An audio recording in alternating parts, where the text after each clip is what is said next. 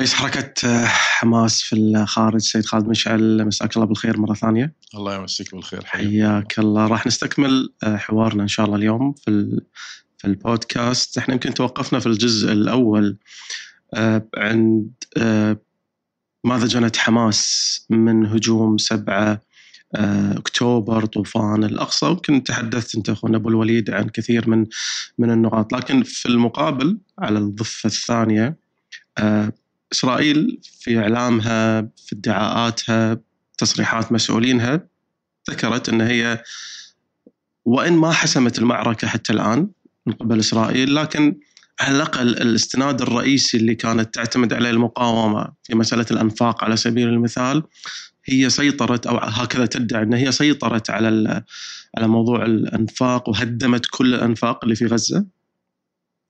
و استطاعت أن تغتال أكبر عدد ممكن من القادة الفلسطينيين، وبالتالي في حسبة الربح والخسارة هي تعتبر حالها ان هي حتى الآن حققت إنجازات كثيرة. بسم الله الحمد لله والصلاة والسلام على رسول الله. حياك الله أخي عمار. الله يحييك. آه، طبعا ماذا جنت؟ آه، لا أقول حماس آه، فحسب بل القضية وشعبنا جميع قوانا وأمتنا والإنسانية من 7 أكتوبر بما عددته في المرة الماضية. وحتى على مستوى الإنسانية ماذا جنت؟ آه، يعني في القرآن الكريم ذكرت فلسطين التي باركنا فيها للعالمين. فكنا أنا شخصيا توقفت عند هذا هذه الآية وكذلك المفسرون. فلعل مواجهة المشروع الصهيوني الخطر على الإنسانية في فلسطين وأن تكون نهايته في فلسطين هي هذه بركة للعالمين.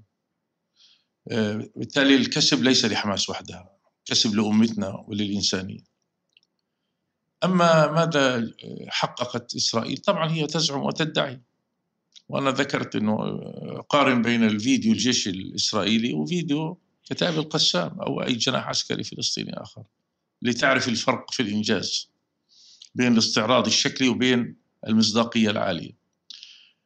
أما على الصعيد آه، نبدأ بالأهداف التي أعلنتها إسرائيل من البداية. ماذا أعلنت؟ القضاء على حماس. قضاء كامل بدون تفصيل. ما ذكروا ما ما فصلوا في حين. اثنين إلغاء حكم حماس. ثلاث استعادة الأسرى الذين بين يدي حماس. وفي هدف رابع لم يعلنوه صراحة لكن اشتغلوا عليه وما زالوا. اللي هو؟ اللي هو تهجير أهل غزة. والتهجير بالمناسبة ليس مشروعا جديدا عندهم هو موجود في أدراجهم التآمرية. تهجيرهم إلى سيناء وفي مشروع لتهجيرهم إلى النقب. وبالتالي هم يتحينون الفرص زي مشروع تهجير أهل الضفة الغربية إلى الأردن. هذه كانت أهداف. لاحظ كيف تخلخلت. أولا لم يحققوا أيا من هذه الأهداف. وبعدين بدوا يغيروا. دائما المهزوم والعاجز ولما يطول الوقت يقول لك لا أنا بدي أفكك البنية العسكرية لحماس. ما قال لك حماس حتى بعض السياسيين في العالم وفي المنطقة قالوا كيف تقضي على حماس؟ حماس فكرة كيف يقضى عليها؟ أعمق من أن تقضي على فكرة. وهم يدركون شعبية حماس وأنها في وجدان شعبنا. والكسب اللي حققته حماس في 7 أكتوبر وقبل 7 أكتوبر. الشارع العربي والإسلامي والإنسان يهتف. حماس أصبحت رمزية عالية. فلاحظ التراجع في حتى التعبير عن أهدافهم من 7 أكتوبر. وظل الشيء اللي ركزوا عليه الآن هو موضوع استعادة الأسرى موضوع أيضا حماس أطلقوا شعار غزة ما بعد حماس. بعدين بدوا يغيروا. ومن يعني الشيء الطريف إنه في هذه الحمى الوعيد والتهديد لما أرادوا العودة إلى بعد الهدن الأيام السبعة ثم الجيش ونتنياهو أصروا على العودة إلى القتال. لأن العدوان ليس قتال هذا لأنه ما يقاتل المقاتل الفلسطيني. هو قاعد يدمر ويقتل البشر الإنسان العادي الطفل والمرأة والشيخ. وذكرنا الأرقام قبل ذلك. ففي حمى ذلك بعد فشلهم في الجولة الثانية تقريبا في يعني بعد الجولة الثانية بعد الهدنة. بعد الهدنة الأيام السبعة. الجيش هم اللي أصروا على العودة إلى العدوان. فما أن مضى أسبوع دخلوا في منطقة خان يونس. والمنطقة اللي ادعوا أنه أنهوها للشمال غزة اشتعلت كذلك قصة الشجاعية والجبالية والزيتون والرضوان. مع خان يونس وبدأ مسلسل آخر في الخسائر. قبل الهدن الأيام السبعة كانوا يعترفون باثنين أو ثلاثة من جنودهم في اليوم. صاروا يعترفوا بسبعة وثمانية وتسعة بعشرة. وقبل أيام كان 14 قتيل عندهم. هنا وبعد استمرار جرائمهم صار في تحول عند الإسرائيليين والأمريكان. لا نعود إلى الهدن والسبب هو ضغط أهالي الأسرى الإسرائيليين وأيضا أصبح الجرائم الإسرائيلية آه، تؤثر على الرأي العام تضغط على الإدارة الأمريكية. وبايدن قال هذه تمس مكانتنا الأخلاقية ما شاء الله على المكانة الأخلاقية اللي مجرد يسوق ألفاظ وجمل يبيعنا إياها ويبيعها للضمير العالمي بينما هو قاعد يقدم ذخائر ويقدم أسلحة فتاكة ودمار وإسناد مفتوح للكيان الصهيوني. فحماس كان موقفها واضحا وقررته مبكرا لا توقف لا بحث أو عودة للتفاوض على موضوع الأسرى والموضوعات الأخرى إلا بعد وقف العدوان. فمع ضغط وإلحاح أهالي الأسرى كان نتنياهو أهالي الأسرى الإسرائيليين. الإسرائيليين كان نتنياهو قادة العدو. ماذا يقولون؟ نحن حتى الآن لم نتلقى إشارة إيجابية من حماس. الله أكبر. طب هذه حماس عدوك الوجودي كما تقول وتريد أن تقضي عليها. والآن أنت تبحث عن إشارة إيجابية؟ طبعا هو يريد يقول الكرة في مرمى حماس حتى يعني يخفف الضغط اللي قاعد يتلقاه من الداخل ان حماس هي المتعنتة في مسألة إيه؟ ال... لكن خذ الدلالة إنه هو الآن يتلمس إشارة إيجابية. هذا حتى تعرف أن هذه هزيمة نفسية. إذا في الأهداف لم يحقق شيئا في الأهداف الكلية. ولذلك حماس بعد الحرب حماس موجودة وشعبنا موجود. والذي المتغير هو الطارئ على المنطقة. يعني الشعب الفلسطيني وحماس جزء منه هم الثابت. والأمة هي الثابتة. أهل هذه المنطقة هم الثابتون هم الأساس. أما الراحلون فهم الأعداء هم الراحلون. طيب أما على صعيد الميدان ما الذي حققوا لما يكون عندك أنت مئات الكيلومترات من الأنفاق التكتيكية والاستراتيجية ثم هو يكتشف مجموعة أنفاق ومجموعة العيون للأنفاق ويتفاخر بها. وشفت لما طلع فيديو منتعشا اللي هو الفيديو من شمال غزة أربعة كيلو متر لا شك نفق كبير يصل إلى إيرز فرد على كتاب القسم ردت عليه مباشرة. قالت نعم كنا هنا أنجزت المهمة وأنتم وصلتم متأخرين. لأن النفق عادة مثل السلاح يستهلك. وخلاص تنتهي مهمته. واللي بنى هذا النفق يبني غيره. فبالتالي وبعدين الكل الآن يتكلم. ولاحظ كل بعد فترة قال لك أنا سيطرت على الشمال وما زالت المعارك في الشمال. موجودة كما هي في الجنوب. أنت تذكرت أبو الوليد أن في مئات الأنفاق هو سيطر على بعض. اي يعني بالتالي افترض بالتالي بالتالي إلى الآن في أنفاق هو ما اكتشفها افترض سيطر على 10 كيلو 20 30 كيلو. إيش قيمتها؟ أنا لا, لا يعني لا مصداقيه لما يقوله العدو لكن تفترض أنه يعني اكتشف مجموعة من الأنفاق.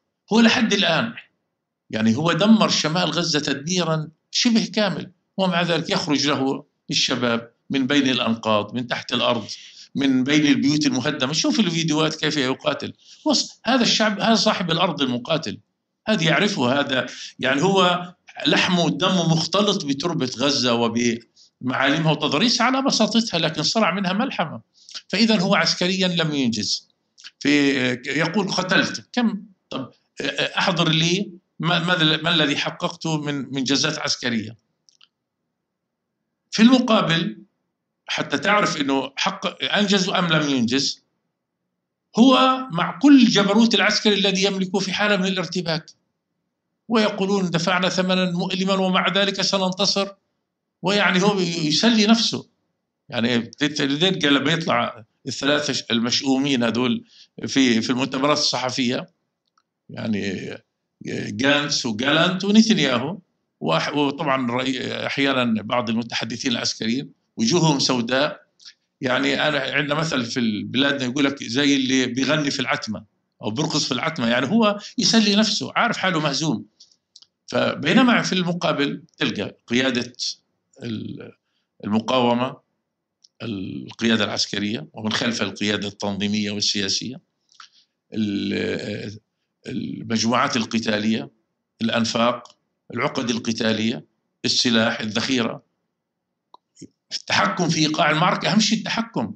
يعني عادة إذا إذا صار في هزيمة نفسية أو ضربت الرأس والقيادة خلاص ينفرط العقد تلقاه بالتالي تصبح. ما تراه في في الميدان يدلك على الطمأنينة وعلى التحكم. يعني يطلعوا فيديو شبابنا يردوا عليه فورا. يطلع الناطق مالهم يطلع مقابله أبو عبيدة ويتكلم. دليل هناك إيقاع منضبط وتحكم في المعركة. حتى تخيل حتى لقطة الناس انبسطوا على الترند اللي هو حل اليدويري جميل. يعني هي نوع من الإعجاب والوفاء لمحلل عسكري أردني محترم غيور. يعني هو إضافة لخبرته العسكرية وهو يتكلم من موقع أيضا الغيرة والانتماء للأمة وقضاياها. لكن وين الفكرة؟ إنه هذا هذا مقاتل مرتاح. يعني لو واحد مرعوب وخايف يضرب الضربة ويختفي. لا هذا على مهله. حل اليدويري واللي قال لك يلا عيونك يا أبو حسين. هذا يدل على أن المقاتل مرتاح مطمئن. فلاحظ الارتباك عند العدو لاحظ الطمأنينة عند المقاتل الفلسطيني بفضل الله تعالى. فبالتالي يعني ثم العبرة بالنتائج. قتلت وفعلت ودمرت. المهم هل أنت أوقفت المقاومة؟ أنت دمرت كل شيء ومع ذلك المقاومة مستمرة. بل كل الصور الجوية اللي تعرضها الفضائيات تشير إلى أنه في خان يونس الآن تقدمه بطيء بل يتقدم ويتراجع. وذلك هو الآن يحاول يعمل التفاف على خان يونس بالذهاب إلى رفح في الجنوب ومحاولة يعني الدخول في رفح حتى والسيطرة على شريط فيلادلفيا اللي هو عبارة عن الشريط الحدودي بين غزة وسيناء. مشان يعني يحكم القبضة أو يعمل حصار والتفاف على خان يونس من الجو من جهة رفح. فتخيل يعني أنت أمام يعني أقوى جيش في المنطقة كان يتفاخر يشيل العقيده القتالية للجيش الإسرائيلي اللي عرف بها الحرب الخاطفة. نقل المعركة إلى أرض العدو. المباغتة والمخادعة. دائما المفاجأة. يقوم بعمليات كبيرة بقدر بقدر قليل من الخسائر. التوسع. كل هذه انفرط عقدها. لا سبحان الله يعني في الحروب الرسمية نجح العدو في تجسيد هذه العقيدة الأمنية والعسكرية التي آه، تبناها مبكرا. لما حارب الشعب في الانتفاضة الأولى والثانية والمقاومة والثورة الفلسطينية كل ذلك تراجع. بدل ما يتوسع انكمش وبنى جدار واختبأ خلفه آه، بدل الحرب الخاطفة أصبحت حرب مفتوحة. كانت في بأيام الآن بأسابيع وبأشهر. كان يباغتنا إحنا اللي باغتناه وهكذا.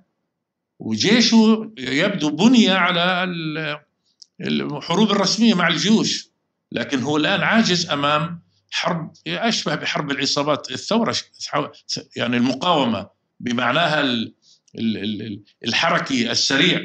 نحن الأكثر عنصر يعني فعالية وحيوية في الميدان.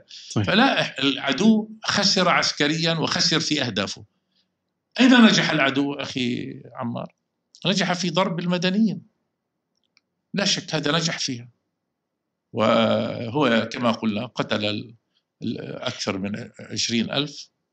هجر يعني مليون وسبعمائة ألف من أهل غزة. آه، الجرحى فوق ال 55 60 ألف. حجم الدمار البنى التحتية ودمر حتى الألواح الشم... الألواح الشمسية فوق البيوت يعني. هو دمر كل أسباب الحياة ومع ذلك شعبنا ما زال صامدا. قد يقول قائل طب يا حماس أنتم يعني صحيح حققتم إنجازات لكن خسرتم. صحيح خسرنا في حاضنتنا الشعبية لكن هذه خسارة لا, يستط... لا تستطيع مقاومة أن تمنعها أو أن تتجاوزها. لأن هذا ثمن. يعني هو أعطيك قصة أخي عمار. كنت قبل أشهر في الجزائر. طبعا هذه ليست أول زيارة. وكنت دائما أردد أن الشعب الجزائري قدم مليون ونصف شهيد آه، في حرب التحرير. فقال لي الجزائريون إيش هالرقم يا أبو الوليد؟ نحن قدمنا ستة ملايين خلال ال 131 سنة. الاحتلال الفرنسي بدأ 1831 وانتهى 1962 أما المليون ونص قدمناهم في ثماني سنوات من 1954 إلى 1962 ثمان سنوات قدموا مليون ونصف اللي هي حرب التحرير الشعبية حرب اللي هي حرب الاستقلال عمليا. يعني آخر ثمان سنوات قدموا مليون ونصف شهيد. لتتحرر الجزائر. الخسائر تصبح شيئا من الذكرى وبالعكس فازوا بالحسنيين فازوا بالشهادة وبالنصر والاستقلال. الشعب الفيتنامي. ثلاثة ونصف مليون حتى أجبروا الأمريكا أن تفاوضهم في باريس وأن تخرج مذعورة. الشعب الأفغاني كم قدم؟ الشعب العراقي كم قدم؟ شعوبنا العربية والإسلامية حين استقلت من المستعمر الحديث الفرنسي والبريطاني والإيطالي كم قدموا؟ ورأينا الأفلام عن عمر المختار وعن بطولات الأمة. هذه أمة يعني قال له شعب جنوب إفريقيا إذا قد أنا قلت الروس السوفيات في الحرب العالمية الثانية قلت 27 مليون. فالشعوب الحرة لا تس لا لا تبخل على أوطانها وعلى حرياتها وعلى استقلالها واستقلال إرادتها بالتضحية. والذي يضحي الجميع إحنا بالحالة الفلسطينية القائد والجندي والكادر والعامة كل الجميع يضحي. وبالعكس يستعذب هذا عند الله تعالى. ولاحظ لاحظ الخسائر عند العدو إيش مفعولها على القيادة؟ وخسائرنا إيش مفعولها؟ عند العدو أنت فاشل يا نتنياهو مضى لك كل هذه الأيام ولم تحقق وأنت أفرج لنا عن أسرانا بينما نحن المرأة والشيخ يقدم يعني لقطات الجميلة في الساحة الفلسطينية. شيء والله مبكي يعني. يقول لك أنت ليش بتعيط؟ ليش تبكي يعني؟ كل هذا في سبيل الله. هذه شهادة. كله في ذا يا رب تكون راضي عنا. لقطات تأتي بالفضائيات وغيرها. وهذا ليس مصطنع. هذا حال الناس الطبيعي. نحن أمة الشهادة. على جزئية على جزئية الربح والخسارة واحدة أيضا من المشاهد آه، اللي البعض أشكل يمكن عليها أن في مرحلة الهدنة الأولى واللي آه، واكبها عملية تبادل الأسرى. حماس نجحت في أنها أيضا آه، تستعيد بعض الأسرى الفلسطينيين من السجون الإسرائيلية. لكن البعض صور صورة أن مقابل خروج بعض من الأسرى الفلسطينيين عشرات. لكن في المقابل إحنا عندنا أكثر من 20 ألف أو 15 ألف شهيد قدمناهم. هل, هل كان الموضوع يستحق أني أحرر اثنين ثلاثة أو عشرة أو عشرين مقابل أن أضحي ب 10000 أو 20 ألف شهيد فلسطيني؟ سؤال منطقي. لكن يقاس على الهدف الذي كانت من أجله 7 أكتوبر كما قلنا سابقا. يعني لو كانت 7 أكتوبر هدفها تحرير الأسرى الميزان قد يكون فعلا فيه مشكلة. أنا قلت 7 أكتوبر كانت خطوة عظمى في مسيرة التحرير. فهي تقاس بهدفها الكبير أنها تسعى للتحرير. ومن أجل التحرير قلت الشعوب قدمت ملايين وليس عشرات آلاف ومئات الآلاف. ولم تكن 7 أكتوبر فقط من أجل الأسرى. قلت أنه 7 أكتوبر كان لها محركات حوافز كان لها أسباب مباشرة. الأقصى الأسرى في السجون الإسرائيلية حصار غزة والموت البطيء فيها ما يجري في الضفة الغربية وهكذا. أما السياق الأساسي الكبير هو التحرير وبالتالي شعبنا. بدليل. شوف كيف الشعب يلتقط الرسالة. يعني اللي اللي قاعد برا من حقه يرقب هذه المعادلة النظرية الباردة. بس اللي قاعد في الميدان اللي قاعد يدفع الثمن ويقول لك هذا كله فداء الوطن في في سبيل الله. هذا فداء الوطن فداء المقاومة. يعني هو فخور.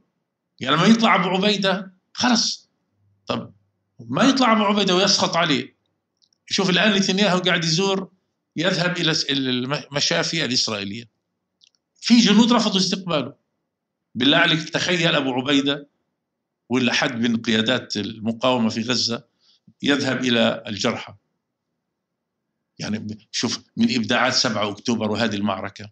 كان الله يرحمه ناجي العلي مطلع الوسم الرسم الجميله في الكاريكاتيرات له اللي هو حنظلة.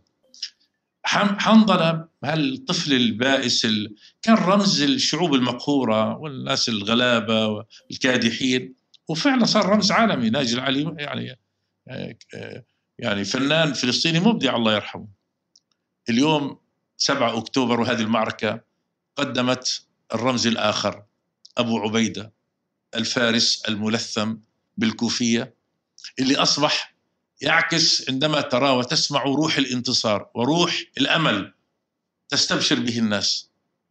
أحد الكتاب اللي يتكلم قبل فترة يقول لك أحد مؤشرات إن الوضع بخير في فلسطين إطلاق الصواريخ الاشتباك والالتحام من نقطة الصفر وخروج وإطلالة أبو عبيدة. فشوف كيف الرمزيات تصنع. إحنا الآن يعني غزة اليوم هذه الملحمة العظيمة تصنع رمزيات عالمية. وفعلا الشارع العالمي يعني يعني هذا من أكبر المكاسب. وقلته أنا إنه كيف هذا التحول في الشارع الإنساني؟ حركة التضامن الإنساني اليوم. هذه حركة نريد أن نعمقها مثل حركة المقاطعة. ال BDS اليوم أنت عندك حركة التضامن الإنساني العالمي مع الشعب الفلسطيني بل مع المقاومة مع حركة حماس. وأصبحت حماس والكتائب القسام وأبو عبيدة وفلسطين أصبحت رمزيات مقبولة. هذا تحول مهم. يعني كنا في الماضي عاجزين عن تسويق حقنا فإذا بالدماء الزكية والمباركة والإبداع والإبهار إذا به يسوق ذلك ويفرضه. بعدين أنا إحنا في تجربتنا أخي عمار في تعاملنا مع العقل الغربي ولقاءاتنا مع بعض الغربيين الرسميين وغير رسميين واللي شيء بالسر يعني بمعنى هم بعضهم دولهم تمنعهم رسميا يأتون إلينا و ف... فنجد ما الذي يحركهم؟ أحيانا بعض الناس تختلط عليه ما هي الدوافع اللي بتخلي الناس تتعاطف معك؟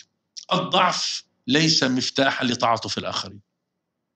حتى لو كنت مقتولا ماسورا معذبا إيه، مضطهدا تتعرض للدمار. هذا وحده غير كافي. هذا بدين المجرم. بس قد لا يتعاطف معك. التعاطف معك حين تكون قويا. حين تكون قويا يحصل هذا التعاطف. غزة اليوم صار رمزية للأمل عند العالم. في قبل في 2002 لما آه، موفاز آه، والقيادة الصهيونية يعني خاضت معركة مخيم جنين والملحمة الأسطورية لمخيم جنين اللي كل مساحته كيلومتر مربع أصبح عند الغربيين مخيم جنين رمز للأمل والسعادة. فأنت اليوم يعني هذه حالة حقيقة إحنا كفلسطينيين وكأمة نشعر بالفخر فيها وهذا توفيق الله سبحانه وتعالى. وهذه خصوصية للمنطقة أنها منطقة فيها روح والعالم بدأ يدركها. فإذا حتى يحترمنا العالم ينبغي أن نكون أقوياء ولكن بقيم. أنت قوي؟ ولما بتطلع الأسرى الإسرائيلي بتطلعهم بقيمك بأخلاقك وطالع هذا الأسير مرتاح وبالعكس بوجه لك التحية. هذه جزئية مهمة جدا بما أنا كنت يعني ناوي يعني أتناولها لاحقا بس بما أنك ذكرتها الآن أبو الوليد مشهد خروج الأسرى الإسرائيليين أه وتصريحاتهم اللي كانت بالإعلام وحديثهم عن مشاهداتهم داخل آه، أو أثناء فترة أسرهم كلمنا أكثر عن بعض ما ممكن أن تتحدث فيه من كواليس اعتقال الأسرى الإسرائيليين تحديدا. يعني بقدر الإعجاب والإبهار بالحالة الإنسانية والقيم والأخلاق الرفيعة اللي تم إخراج وتسليم هؤلاء الأسرى عبر الصليب الأحمر إلى أهاليهم ينبغي أن يكون التوقف المبهر أيضا إنه خلال هذه الأيام الطويلة أين كانوا موجودين؟ يعني كيف المقاومة المنشغلة بالمواجهة المفتوحة مع العدو؟ هذه غزة التي دمرت خاصة شمال غزة هذا الدمار الواسع هذا القصف الجنوني يعني فوق خمسة ستة سبع قنابل ذرية بما يعادلها تم قذفه على غزة. يعني بمعنى أنت تعيش في وسط من الدمار والأصوات المرعبة في في حجم القصف غير مسبوق. وأثرها على الأرض. في هذه البيئة ومع ذلك أنت قادر على أن تحمي هؤلاء أن ترعاهم. تقدم لهم خدمة إنسانية سواء الرجل الكبير بالسن أو الطفل الولد الشاب أو المرأة. تحترم كل ذلك وتحترم خصوصياتهم. وذك... ثم طلعت الفيديوهات. جايبين لهم دكاترة كنتم طبعا طبعا علاج وغذاء. بالعكس يعني قالوا كنا نأكل مما يأكل منه المقاتلون. وأنت تعرف ظروفهم الصعبة. لم يبخلوا عليهم لم يسيئوا معاملتهم. ادعى العدو أنه فعل وفعل انه المقاتل. رواياتهم كذبت. أول ما طلعت الأمريكيتان وقالتا كلاما طيبا عن حسن المعاملة حجبوهم عن الإعلام. ثم خرجت الإسرائيليتان وقالوا كلاما قالوا هذه نكبة. الإعلام الإسرائيلي قال تصريح المؤتمر الصحفي للمرأتين الإسرائيليتين اللتين خرجتا مبكرا. مؤتمر هذا نكبة. ليش؟ لأنه هذه مزقت ودمرت الدعاية والرواية الإسرائيلية الكاذبة. فقالوا كلاما إيجابيا. لأنه هذه الحقيقة. يعني هذه مستحيل واحد لا مؤاخذة يعذبك ثم يلقرك كلام تقوله. طب ممكن تقول تحت الأسر لكن كيف تقول في الحرية؟ دليل؟ وهذه جزئية جدا مهمة أبو الوليد. يعني المتعارف عليه خصوصا في الحروب آه، مسألة الجانب الأخلاقي مستبعد. في أغلب الحروب العالمية والتاريخ يشهد على ذلك يعني. لكن لما ترى آه، يعني مشهد واحدة من الإسرائيليات الأسيرات اللي خرجت وتحدثت وكانت صحتها بشكل جيد إحنا أنا ما أذكر هي كانت الأمريكية ولا الإسرائيلية اللي تحدثت عن وجود آه، دكتور كان يجي يشرف على حالتهم. بس واضح إنه كان في رسالة متعمدة إحنا في حماس نبي نوصلها للعالم أجمع من خلال أما الأمريكيات أو الإسرائيليات بأن تعاملنا في في في في ملف الاسرى تبادل الاسرى على مستوى العالم هو مختلف عن عن ما هو سائد يعني. صحيح. إحنا متعب يعني هو في ما في إهانة ما في ضرب ما في ما في حرب حجب عن الطعام أو شيء. كانت متعمدة كانت مدروسة العملية. باختصار. من من قبل صح. شوف باختصار أخ عمار هي ليست مجرد رسالة هي سلوك. يعني الفرق بين يكون عندك سلوك سيء ثم تتعمد الإخراج كما يعمل المجرمون. يعني يعني اليوم السياسة الأمريكية في التعامل مع الجريمة الإسرائيلية في غزة هي محاولة تجميل الصورة وليس تغيير السلوك. يعني اقتل كما تشاء. لما يقول له أنت معك أسابيع للعملية المكثفة وبعدين عمل عملية نوعية أو العمليات جراحية تركيز على القيادات الحمساوية. شو معناها؟ العمليات المكثفة استمر فيها يعني اقتل المدنيين ودمر هي معناها. اذا هو يرتكب الجريمة الأخلاقية الأمريكي المتورط في المعركة لكن يقول له راعينا لا لا لا تحرجنا أمام العالم. هذا محاولة صنع الصورة التي لا تعكس السلوك الحقيقي. بينما المقاتل في الميدان لا هو لديه سلوك طبيعي متمسك به ملزم به شرعا. فضلا عن التوجيهات القيادية. وصايا الرسول صلى الله عليه وسلم هو لا تقتلوا امرأة ولا طفلا ولا شيخا ولا تدخلوا معبدا ولا شج... تقتلعوا شجرة. هذه أخلاق المسلم هذا الدين. يعني إذا ترضي ربنا تتقيد بهذا. وهي أيضا استجابة لتوجيهات القيادة. أبو خالد الضيف الله يحفظه كل إخواننا وكل شعبنا. في اليوم الأول 7 أكتوبر. أعطاهم نفس التوجيهات اللي توجيهات النبي صلى الله عليه وسلم. اذا هذا سلوك متجذر في الوجدان في العقيدة في العقل. جزء من شخصيته وسلوكه. وأيضا هي نتيجتها رسالة. يعني هو طبعا أكيد هو حريص أن تصل الرسالة الإيجابية. لكن لو لم يكن السلوك حقيقيا لما نجحت الرسالة لأنه كان ممكن يكذبوا. يقولوا لا عذبونا بعدين. زي بعض المساجين يعذبوهم بعدين قبل يخلوه أسبوع قبل الإفراج مشان إذا في أي ظواهر للتعذيب تروح. هذا معروف في ثقافة السجون. بينما عندنا الموضوع كان مختلفا. ولذلك كلهم صرحوا. بل واحدة منهم في الفيديوهات الأخيرة تقول يعني وجدت أن المرأة عندهم مقدسة. مثلا هو كان حتى لما بدي يقدم لي خدمة لا يلمسني. لأنه يعتبر المرأة مقدسة. حتى غيروا اسمها قال سموها سلسبيل وهي مسرورة بالاسم. هكذا تصل فكرتك. بينما في المقابل طلعوا النساء والأطفال من السجون الإسرائيلية في الضفة الغربية. نعم فرحة شعبنا كانت عظيمة لكن اللي خرج مقيد اللي مكسر مكسر أطرافه وذكروا عن التعذيب وكيف فعلوا بمحاولة التحرش بالأسيرات. شيء بل انظر ماذا يفعلون الآن داخل غزة. شوف ال شوف ال هذا يعني الحرب هذه لم تأتي بجديد عن الطبيعة الصهيونية. إنما هي كشفت عرت الحقيقة التي كانت مخبأة بالقشور الزائفة وبالروايه المضللة. انظر ماذا يفعلون. شفت أنت قبل يومين نشر يعني في الأيام الماضية نشرت صورة في ملعب اليرموك لمئات من الرجال عراة إلا من الملابس الداخلية السفلية لإذلالهم وإهانتهم. أي معسكرات هذه؟ تقولون عن معسكرات آه، آه، هتلر؟ أنتم تكررون نفس السلوك. وفي جو الشتاء البارد حتى النساء خلعوا الحجاب لهم حجاب الرأس. قبل أيام أيضا عبر معبر كرم أبو سالم أخي عمار سلموا 80 جثمان. حتى الصليب الأحمر رفض يستلمهم. عبر معبر كرم سلموهم. وإخواننا في غزة الناس يعني يعني دفنوهم في مقبرة جماعية. شو تبين؟ أن سرقت أعضاؤهم. تخيل. يعني يأخذ الجثامين وينتقم منها ويسرق أعضاءها هذا عدو كاذب في رواياته كاذب في سرقته كاذب في يسرق يغش يخادع يقتل.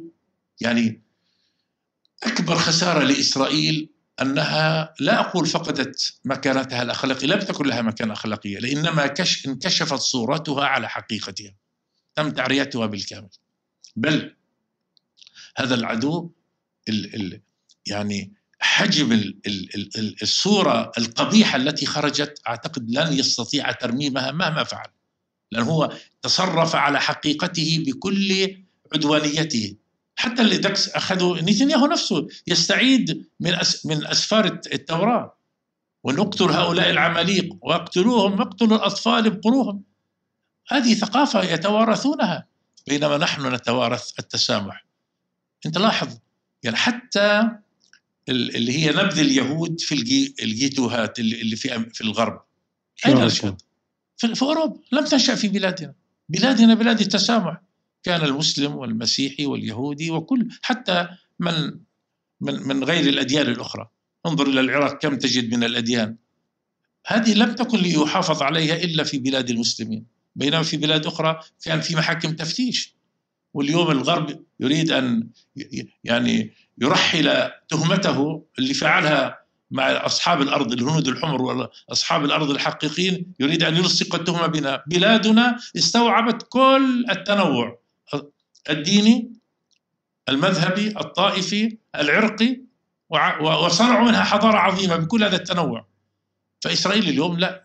يعني خسرت وهذه خسارة إن شاء الله هي مقدمة لأن الإنسان لما يكشف على حقيقته ويتبين أنه بلا قيم ولا بلا أخلاق وأنه مجرد قاتل ويشعر العالم أنه يدفع ثمن هذه الجرائم وهو بحكم رعايته وتبنيه ودعمه. أعتقد إنه هذه إن شاء الله بداية النهاية لهذا الكيان المصطنع الطارئ على أمتنا. أه، ب- ب- بحاول توقف معاك أه، ب- شوية ب- أبو الوليد عند بعض المواقف السياسية. ولكن في البداية 7 أكتوبر في النهاية حماس لا تعمل لوحدها. سلطة موجودة في غزة عندكم علاقات مع الكثير من من الحركات من الشخصيات من الدول في الداخل في الخارج. صار في أي تنسيق قبل 7 أكتوبر مع خلينا خلينا نتكلم أول شيء عن الداخل الفلسطيني. النهايه عندكم شركاء في الوطن موجودين. في أي تنسيق صار مسبق؟ شوف الثقافة الفلسطينية ثقافة وحدوية حتى مع رغم الانقسام الذي جرى.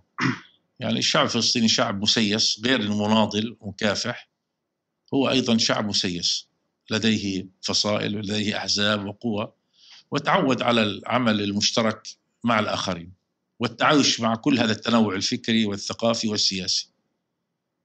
وبالتالي هذه التجربة عميقة في التاريخ الفلسطيني. وتطورت في الضفة وفي غزة وفي كل مكان وفي الخارج وفي ال 48 يعني الشعب الفلسطيني مبدع في ذلك.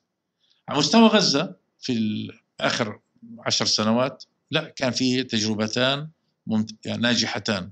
تجربة بالقيادة المشتركة في عملها السياسي ويلتقون ويصدرون مواقف وبينهم تنسيق في المفاصل المختلفة. وهناك غرفة العمليات المشتركة في إدارة المقاومة فهذه كانت أيضا تجربة ناجحة وفي الحروب الماضية كان دائما في غرفة مشتركة في بعض الأحيان بعض الأحيان مثلا إخواننا في حركة الجهاد بيكون لهم يعني معاركهم بسبب في ظروف معينة ولكن الباقية يؤازرونهم وينسقون عبر أيضا غرفة العمليات المشتركة. والجميع ينخرط في هذا الواجب العظيم. في هذه المعركة الجميع منخرط، كل بما يستطيع. لكن لحظة البدء نعم كانت قرارا حمساويا صرفا. لحظة البدء لا آه معناته هو إحنا لا لا إحنا مقبلين على على عمل لكن لحظة البدء هي حماس اللي اخذتها مش بس لحظة البدء يعني التحضير للمعركة وكما قلت التعمية الاستراتيجية عنها لأنه هذا عمل عمل يعني مضني يعني يمكن بجزء أقول لك بعض الأشياء اللي اللي برضو جيد حتى تكتمل الصورة. يعني أنت عندما تحضر جنودك لهذا الأمر.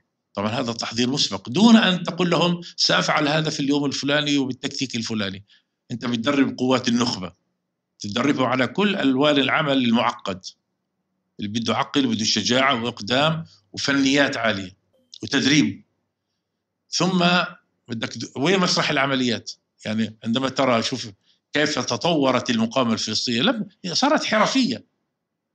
فكل منطقة الغلاف اللي على عمق 40 كيلو اللي يمكن مساحتها ثلاث أضعاف غزة شبابنا عندهم خرائط تفصيلية لها. صور. عملوا لها مجسمات.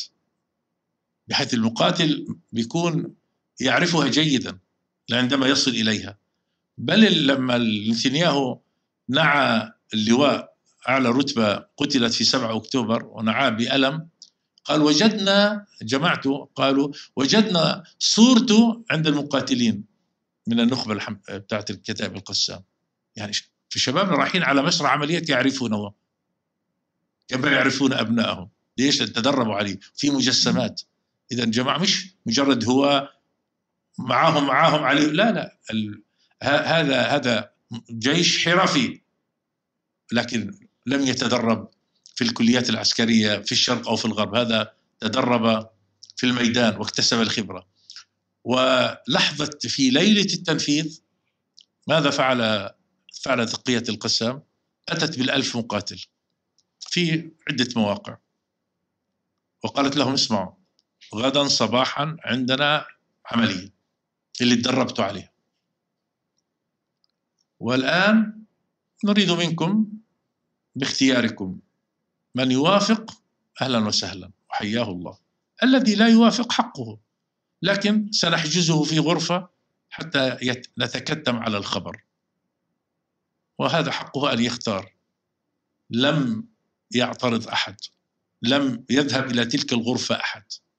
لأن الجميع كان متشوقا إلى بينما الآن الجنود الإسرائيليين يهربون.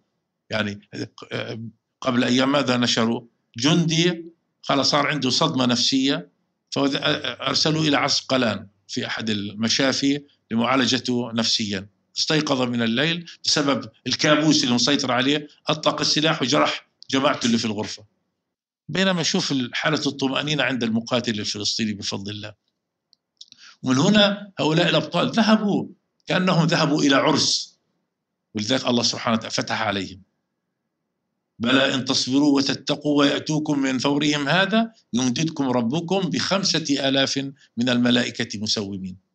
وما جعله الله إلا بشرى لكم ولتطمئن قلوبكم به. وما النصر إلا من عند الله العزيز الحكيم كما في سورة آل عمران. فلذلك كان لابد أن يكون الأمر محصورا عند كتائب القسام والقيادة. لما بدأت المعركة انخرطت سرايا القدس إخواننا في حركة الجهاد والفصائل المقاومة المختلفة. هذا إذا الفرق بين التحضير ولحظة التنفيذ كانت حمساوية صرفة ثم انخرطت قوى المقاومة. ومن باب أولى أن قرار 7 أكتوبر والتحضير له وتحديد ساعة الصفر له لم يكن أحد شريك فيها من أي دولة من الدول اللي انت اشرت له في مطلع سؤالك الكريم هذا هذا في مسألة الدول لكن أيضا البعض تحدث عن يعني هو أنت تفضلت أن كتاب القسام والقرار حمساوي صرف كامل لكن البعض تحدث عن تباين في وجهات نظر أو اختلاف أو عدم علم قيادة حماس اللي في الخارج عن مجريات الأحداث أو 7 أكتوبر في الداخل. بكل بساطة حماس قيادة واحدة وفيها جناح عسكري متخصص في الشأن العسكري التفصيلي. هذا دائما مثل في حاكم في رئيس في أمير في ملك في حكومة وفي وزير دفاع وفي رئيس أركان وفي جيش وفي استخبارات في أجهزة اختصاصية لكن الرأس واحد. حماس لديها قيادة واحدة. المكتب السياسي لحركة حماس هو قيادة الحركة في الداخل وفي الخارج. رأسه الاخ ابو العبد إسماعيل هني هذه القيادة منذ أن انطلقت حماس عام 87 بل في سنوات تأسيسها التي سبقتها الاستراتيجية الأساسية العمود الفقري في استراتيجية حماس هي المقاومة الجهاد لتحرير فلسطين واستعادة الحقوق واستعادة القدس وعلى الحق العودة وتحقيق المشروع الوطني الفلسطيني. فهذا استراتيجية ثابتة والبعض كان يظن أن حماس ستغير وتبدل وعندما دخلت انتخابات 2006 وأصبحت في سلطة وحكومة وثبت أن لا تغيير على برنامج حماس ولن يتغير. لأنه هذا أساس وجودك. يعني هي حماس مش حزب سياسي حماس حركة. حركة نضالية حركة مقاومة حركة تحرير. وإن كان هدفها سياسي هدف كل شعبنا. ليس لذاتها بل لشعبنا هو التحرر والتحرير التخلص من الاحتلال. فهي الجهاد وسيلة واستراتيجية لهدف كبير وهو الاستقلال وطرد الاحتلال وتطهير الوطن منهم. فهذه استراتيجية ثابتة عن قيادة الحركة. من الذي يرتب التفاصيل؟ مين اللي يدرب الشباب عسكريا وامنيا؟ مين اللي يجيب سلاح ويصنع سلاح؟ مين يحط الخطط العسكرية ويحط مسرح العمليات ويحط مواعيد التنفيذ؟ نعم هذه القيادة العسكرية اللي في الميدان. ففي تناغم كامل. ولكن بالتنسيق مع القيادة السياسية أكيد لكن كما قلت في القيادة المركزية للحركة لديها تبنيها للمسار للاستراتيجية تبنيها لخيار المقاومة ومسيرته وكل متطلباته وتتحمل اعباءه لكن التفاصيل وإدارة المعركة ميدانيا هذا شأن الإخوة في الميدان. فلا تعارض ولا أي مشكلة. ولا تباين ولا اختلاف. بالعكس بالعكس. القيادة السياسية القيادة الحركة الصغير والكبير فخور. أنت بتعرف 7 أكتوبر يعني جعلت شعبنا يبتهج. يعني حصلت حالة من الإبهار في الساعات الأولى. يعني في غزة يعني ما صار في الخارج. الأمة كلها. أتذكر في الجزء الأول ذكرت أبو الوليد أن بعض المسؤولين العرب أنت ما سميتهم أن المح... صار تلميح أن لو ما كان أفضل. لا لا أنت سألتني هذا السؤال قلت لك لم ي... لم يتكلموا ولم يلمحوا. لكن إحنا فهمتوا الرساله لا ولا, ولا عفوا لي... لم نشعر. بس إحنا كان تقديرنا انه ربما يشعرون أن 7 أكتوبر وضعتهم أمام استحقاق. يعني أنت إحنا إحنا أمة واحدة وعائلة واحدة. فلما جزء من الأمة والعائلة يفعل فعل عظيم مثل هذا لا شك له تبعاته. فهذه التبعات ربما البعض يقول يعني لماذا حماس لا اقصد في هالجزئية إحنا يمكن آه. تحدثنا عنها لكن طبعا. في الجزئية فيما يخص الآن المكتب السياسي والعسكري ما هو أيضا نفس الشيء الآن لا لا مختلف. الآن أيضا يعني نتنياهو ظهر في لقاء أو في مؤتمر صحفي وذكر انه يعني على الأقل السيد خالد مشعل السيد إسماعيل هنية وبعض القيادات لحماس اللي في الخارج أيضا هم مستهدفين وإحنا راح نلاحقهم وراح نغتالهم أيضا فتح باب وجبهة جديدة الآن للقيادات اللي موجودة في الخارج فما كان من الأولى إن بلاها لا كيف بلا يعني بلا العملية؟ بلا بلا العملية لا كيف؟ يعني اولا ما حتى اللي اللي يقول إنه قيادة حماس السياسية قيادة يعني في واد وفي الميدان في واد، اذا لماذا العدو يهددنا؟ ومين اللي بيهددنا؟ مش بس نتنياهو وبالاسم اللي هددنا وزير الخارجية الإسرائيلي. ف يعني هذا السلوك دليل هم يعرفون أن حماس حركة واحدة قيادة واحدة ذات قرار واحد وتتوزع الاختصاصات والتفاصيل بين جهات الاختصاص المختلفة. ف و... ثم إحنا قيادة حماس أخي عمار تعودت أنها دائما تتحمل المسؤولية. يعني كان البعض حتى في الماضي يقترحون علينا يا أخي ليش ما تعملوا جناح سياسي وجناح عسكري؟ يعني شو إحنا نلعب لعبة يعني؟ يعني أنا بدي أخلي أخي المقاتل اللي على الأرض أكشف وأقول هو يتحمل مسؤولية أعماله وأنا السياسي. يعني هذه لا تليق. نحن حركة واحدة متضامنة قيادة واحدة استراتيجية واحدة. كل يع... كل يناضل ويقاوم ويجاهد من موقعه. الذي يقاتل في الميدان مجاهد. الذي يشتغل في الاستخبارات العسكرية ويكشف معلومات العدو هذا مجاهد. الذي يأتي بالدعم المالي مجاهد يعني كل عربي ومسلم أو مؤيد لنا في العالم يقدم دعما للمقاومة ولشعبنا هذا مجاهد جهاد بالمال وبالنفس. الذي يواجه الرواية الإعلامية من خاص الشباب النشط في السوشيال ميديا. المنصات الرقمية هذه الأفكار الإبداعية اللي قاموا بالإضراب الناجح في يوم هيك تفاجأت به المنطقة اللي عملوا المقاطعة اللي اليوم بدأت تتذمر منها الشركات الغربية المناه التي تصطف مع الكيان الصهيوني ولها مصالح مع إسرائيل. اليوم كل هذا جهاد القائد السياسي اللي يطوف العواصم ويدبر لإخوانه ولشعبه ويستجلب التأييد والسند السياسي. كل هذا جهاد. إيه نحن الشعب كله مجهد. الأم التي تنجب وتربي وتعد المقاتل. الأب الذي يصبر. الأخ اللي يتولى المسؤولية عندما يستشهد والده أو يؤسر في السجون. الشعب الفلسطيني أخي عمار 14 مليون مجاهد في الداخل وفي الخارج يعيشون اللي إما يعيش في فلسطين أو تعيش فلسطين في قلبه وفي وجدانه وفي سلوكه وبرنامجه اليومي فاليوم لذلك الحمد لله ما في قائد فلسطيني يحترم نفسه ويتخلى عن مسؤولياته. أما عفوا يهددوننا؟ هذا يعني هو يهددوننا بما ننشده أنا شخصيا وكل إخواني كذلك بس على الصعيد العبد الفقير والله كل يوم في سجودي دعوتي أقول اللهم ارزقني الشهادة في سبيلك بأحسن خاتمة وأنا أقرأ القرآن وأنت راض عني. هذه أمنيتي هذه دعوتي الدائمة. فعندما يهددني بذلك فهذا أعلى ما أتمنى.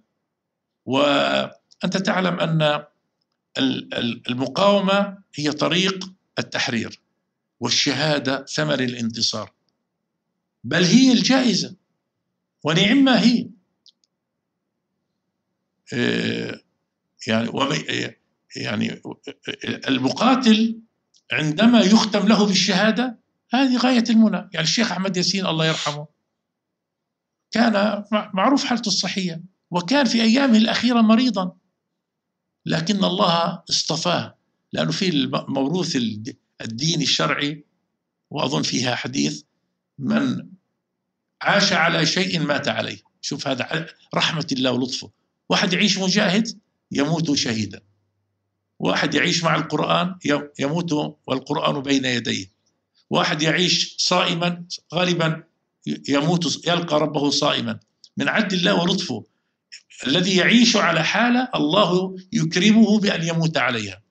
فاليوم الشهادة بالنسبة لنا غاية ما نتمنى ولكن فرق كبير بين من يقتل في معركة البغي والعدوان كالإسرائيليين ومن يستشهد في قضية عادلة فتكون الشهادة هي عز له في الدنيا ودخل له في الآخرة. طيب آه، إحنا يمكن تكلمنا أن حصل في تنسيق خصوصا بعد 7 آه، أكتوبر مع آه، الفصائل الفلسطينية المقاتلة في في غزة تحديدا. لكن على الضفة الأخرى عندنا إحنا أيضا في سلطة فلسطينية موجودة. كيف كيف التعاون أو التنسيق إذا كان هناك تنسيق مع السلطة الفلسطينية سواء قبل 7 أكتوبر أو بعد 7 أكتوبر؟ هو قبل 7 أكتوبر كما يعلم الجميع في محاولات منذ 2007 لإنهاء الانقسام الفلسطيني لكن للأسف لم لم ننجح فيها. الجميع بسبب آه، أسباب خارجية وأسباب داخلية ورغم أنه حركة حماس في كل المراحل قدمت كل ما يلزم من مرونة بل من تنازل لصالح أخي الفلسطيني حتى نلتقي على أمر سواء. نلتقي موحدين في مؤسساتنا وفي مرجعياتنا القيادية وفي استراتيجياتنا وبرامجنا السياسية. حماس قدمت كل ما يلزم لهذا. ولكن هناك أطراف لم يعني تقدم ما يلزم من الإيجابية والمرونة واتفق على مواعيد كثيرة في الانتخابات وكلها تعطلت للأسف. وحماس ما زالت على إيجابيتها. فقبل 7 أكتوبر لم يكن الحال يعني في, في مرضيا أكيد على مستوى الوحدة الفلسطينية السياسية وإن كان الميدان كان موحدا حتى في الضفة الغربية. يعني لاحظ عرين الأسود ظاهرة عظيمة في نابلس. هذه كان فيها يمتزج الدم الفلسطيني من حماس والجهاد وشهداء الأقصى وبعضهم شباب الأجهزة الأمنية. الدم الفلسطيني واحد. هي تأتي يعني السياسة فتفسد يعني انتماءات الناس و وإلا كل فلسطيني يعرف أنه مشروع جهاد ومشروع شهادة. فالميدان كان يوحدنا والسياسة تفرق خاصة بتأثيرات العوامل المختلفة الخارجية وأحيانا العوامل الاخرى الداخليه فبالتالي هذا قبل سبع قبل 7 أكتوبر. 7 أكتوبر. الآن بعد 7 أكتوبر طبعا بالتالي هذا يعني لم يكن يعني آه، في ظل هذه الحالة في أكيد في قرار يعني واحد فلسطيني منسقا في هيك عملية لأنه هذه تقتضي أن يكون هناك تناغم وتفاهم. وبالمناسبة إحنا في الماضي أحد القيادات دون ذكر اسمه يعني قائد كبير يعني في الساحة الفلسطينية في في الماضي في ظلال حرب 2014 سألني في لقاء أمام أحد الحكام العرب أراد أن يفاجئني. قال لي يعني هل من حقكم أن تنفردوا بقرار الحرب؟ فقلت له على الفور بدون تردد لا ولا من حقك أن تنفرد بقرار السياسة. إحنا شعب واحد. بدك نكون موحدين في كل قراراتنا سواء بسواء. مش أنت تريد أن تنفرد بالقرار السياسي وتنتزع مني أيضا قرار المقاومة اللي أنت مش منخرط فيه.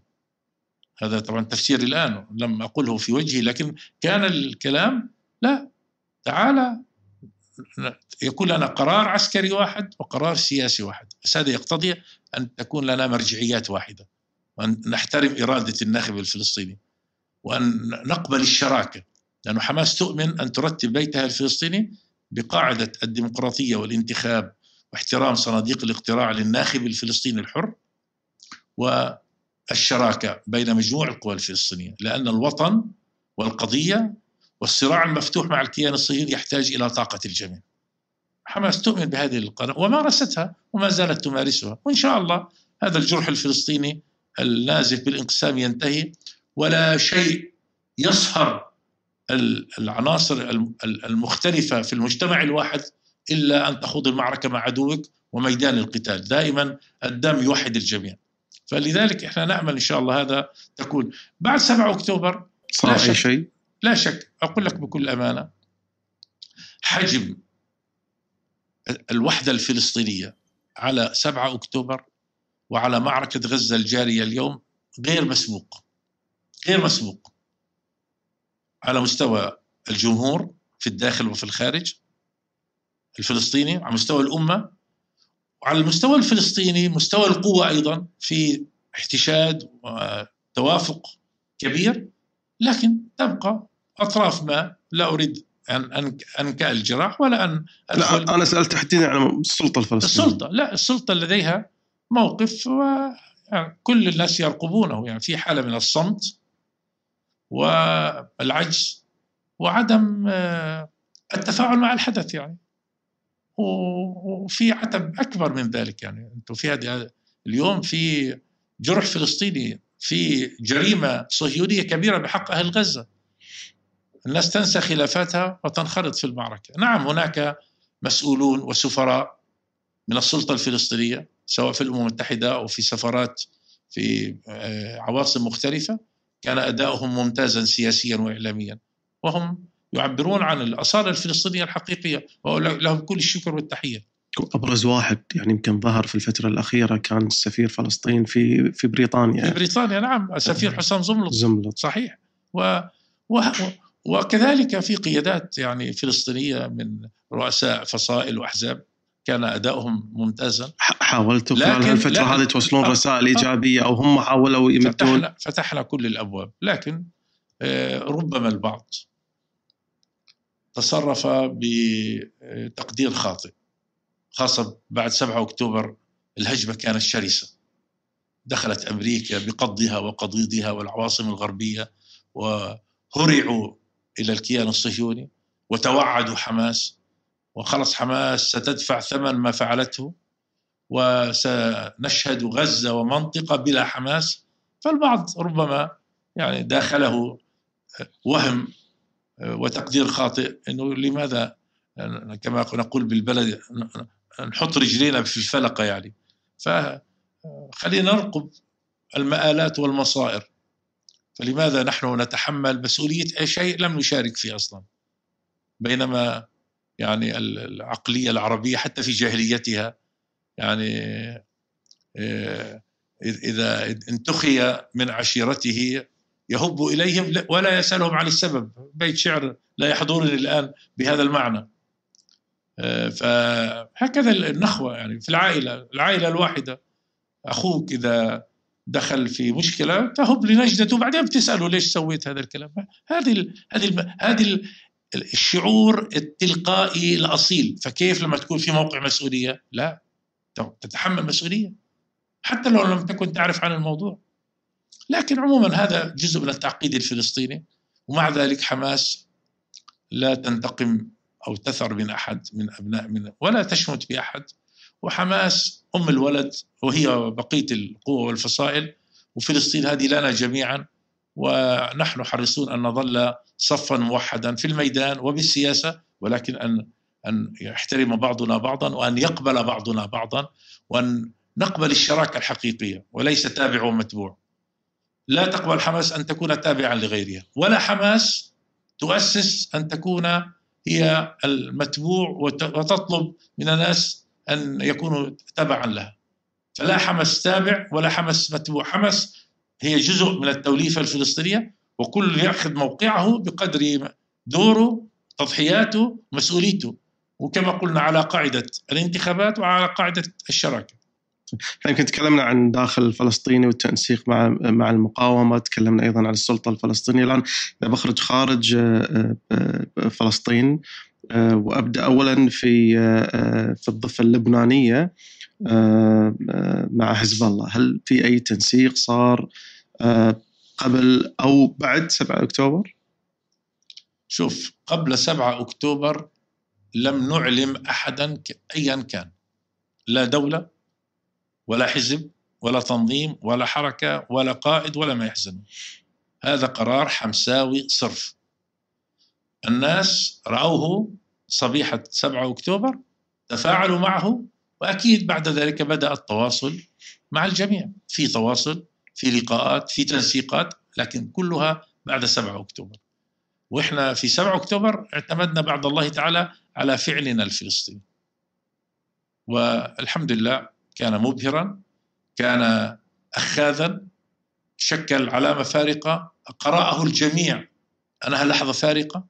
أنه غير مسبوق صار في انتعاش صار في شعور بأنه إحنا أمام حدث كبير وكل عاقل ينبغي أن يجد له مكانا فيه فهي شكلت أرضية للتواصل والتفاهم مع مختلف الأطراف اللي قلنا تفضلوا لأنه إحنا حريصين أن يشترك معنا الجميع في هذه المرحلة. هذا قبل 7 أكتوبر لكن بعد 7 أكتوبر صار تنسيق مع حزب الله؟ طبعا طبعا حزب الله ومع الدول ومع أطراف كثيرة اتصالات ولقاءات. كيف أنتم قيمتوا موقف حزب الله بعد 7 أكتوبر؟ تمام. داعم راضين على الموقف هذا كنتوا تتأملون أكثر؟ لا لا يعنيكم الأمر من قريب أو من بعيد. شوف من البداية كان تقديرنا وكان موقفنا التالي. كما قلت في بيت الشعر ما حك جلدك مثل ظفرك. أنت الآن اولا تبدأ بنفسك ثم من يليك. فالآن عندنا معركة في غزة والمقاومة في غزة قامت بمسؤولية كبيرة أبهرت نجحت واستمرت. مطلوب منا نحن كحماس وفلسطينيين أن نسند هذه المعركة من الضفة الغربية والقدس من 48 ومن الخارج. فلسطينيا أتكلم.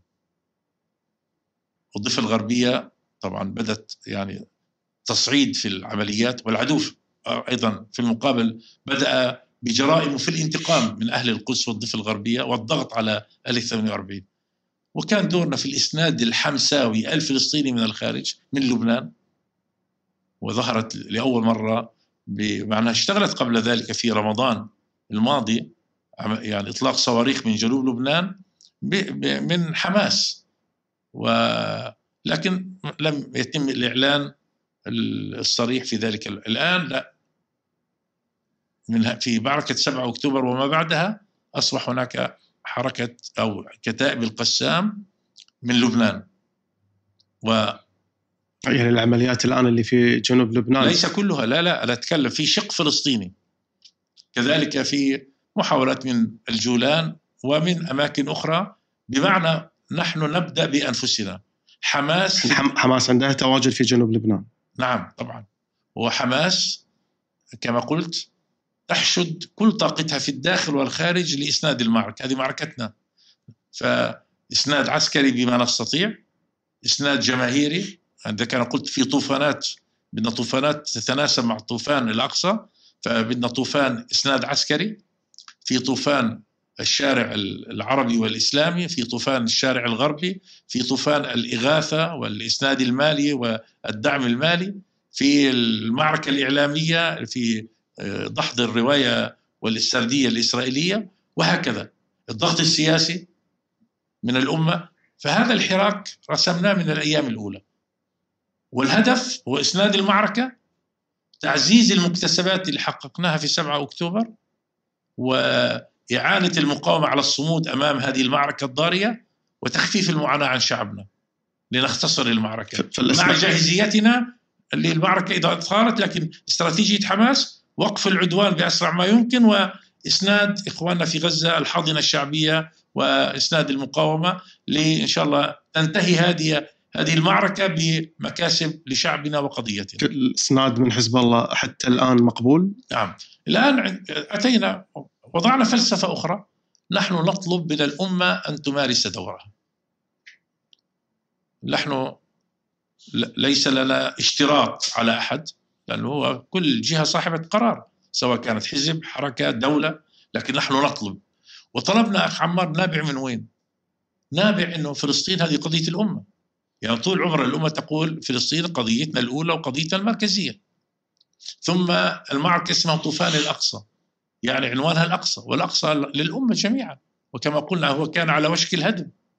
فإذا ما يربط الأمة بفلسطين هو أنها قضيتها الأولى في قلبها مرتبطه بها دينيا تاريخيا قوميا عاطفيا والأقصى هو عنوان المعركة.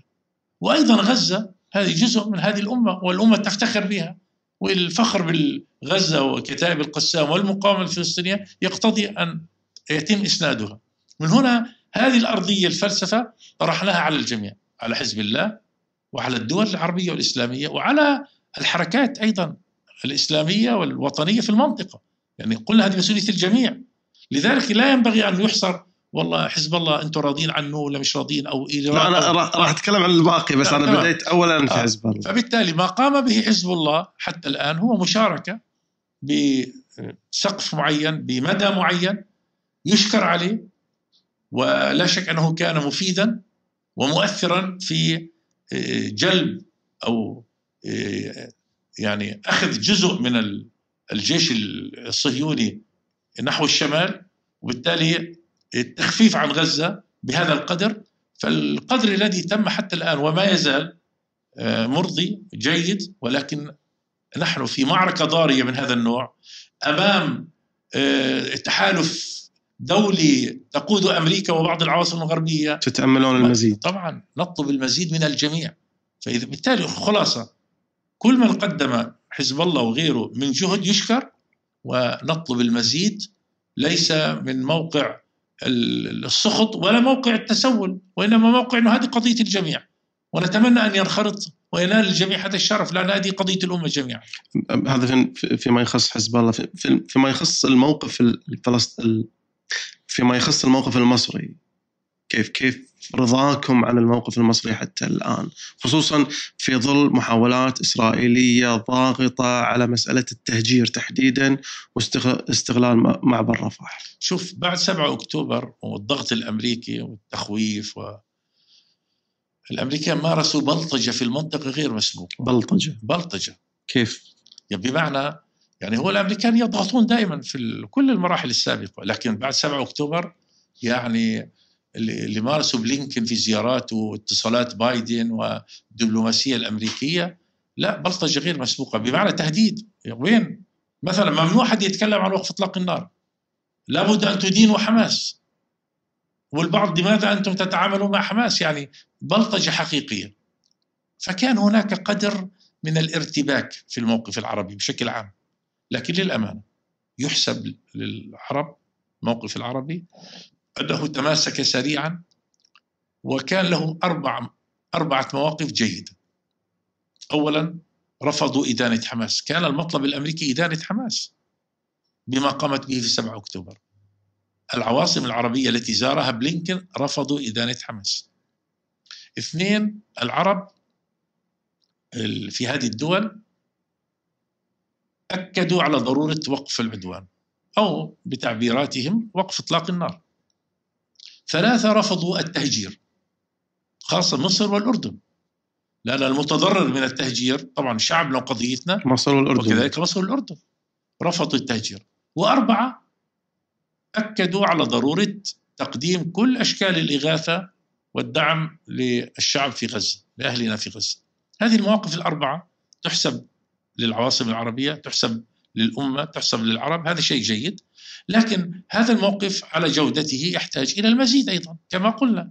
يعني لا يكفي نحتاج إلى المزيد. مثلا عندما نتكلم عن آه، وقف إطلاق النار أو عن وقف العدوان هذا لا يحتاج فقط إلى تعبيرات إعلامية سياسية وإن كانت جيدة يبنى عليها تحتاج إلى زخم. يعني أنت اليوم لاحظ يعني لأول مرة في أول حرب كل القيادات الغربية والأمريكية تأتي. وإيش يفعلوا جاء بايدن جاء بلينكن وزير الخارجية جاء آه، أوستن وزير الدفاع سوليفان مستشار الأمن القومي لاحقا ورئيس الأركان الأمريكي يلتقون مع نتنياهو وجماعته ويذهبون إلى مجلس الحرب. يعني هو هو يشارك في غرفة العمليات. بل ثبت أن الأمريكان أتوا بخبرائهم وأتوا بأربع ألاف جندي بحجة أنه هذول الخبراء فضلا عن الذخائر والسلاح. يعني هم انخرطوا في المعركة وقدموا نصائح بتجربتهم في الموصل وفي الفلوجة كيف الأرض المحروقة وكيف أنت يعني بمعنى يريد أن يحمي الجيش الإسرائيلي من أن يتكبد خسائر بتغيير التكتيكات وكيف تدخل غزة من البحر ولا من ال من آه، من زوايا أخرى. لا هم انخرطوا في المعركة. فأنت أمام هذه هذا الاحتشاد. هذا وذاك رب العالمين يقول في أواخر سورة الأنفال والذين كفروا بعضهم أولياء بعض. إلا تفعلوه تكن فتنة في الأرض وفساد كبير. أي إلا تفعلوا مثل فعلهم كما هم يتضامنون ويحتشدون معا على باطلهم. أن تحتشد الأمة معا تكن فتنة في الأرض وفساد كبير. وهل أكبر من هذه الفتنة والفساد أن يستفرد بغزة؟ وإنه هؤلاء هذا الحجم من الدمار والمذابح والمجازر والإبادة الجماعية. لذلك قلت المواقف العربية جيدة ولكن لا تكفي. نريد المزيد أيضا. نريد ضغط سياسي. هم شكلوا جبهة. العرب في الجاهلية شكلوا حلف الفضول لنصرة الضعيف. وأنا قلت لبعض يعني المسؤولين خلي العرب ومش بس العرب وحدهم الدول العربية والإسلامية وفي دول كبيرة مؤثرة وعندنا روسيا والصين مواقفهم جيدة. هؤلاء يشكلوا يعني نوع من الجبهة السياسية اللي تضغط على الجبهة الأمريكية خاصة إنه في مصالح متضاربة بين هذا الطرف وهذا الطرف ممكن استثمارها في هذه المعركة لأنه 7 أكتوبر خدمت الكثير من الأطراف الدولية إذ جذبت الأمريكان إلى المنطقة. وريحتهم شوية في أوكرانيا وفي تايوان. يعني يعني يعني البلطجة الأمريكية في العالم نحن شغلناها بمعركة 7 أكتوبر.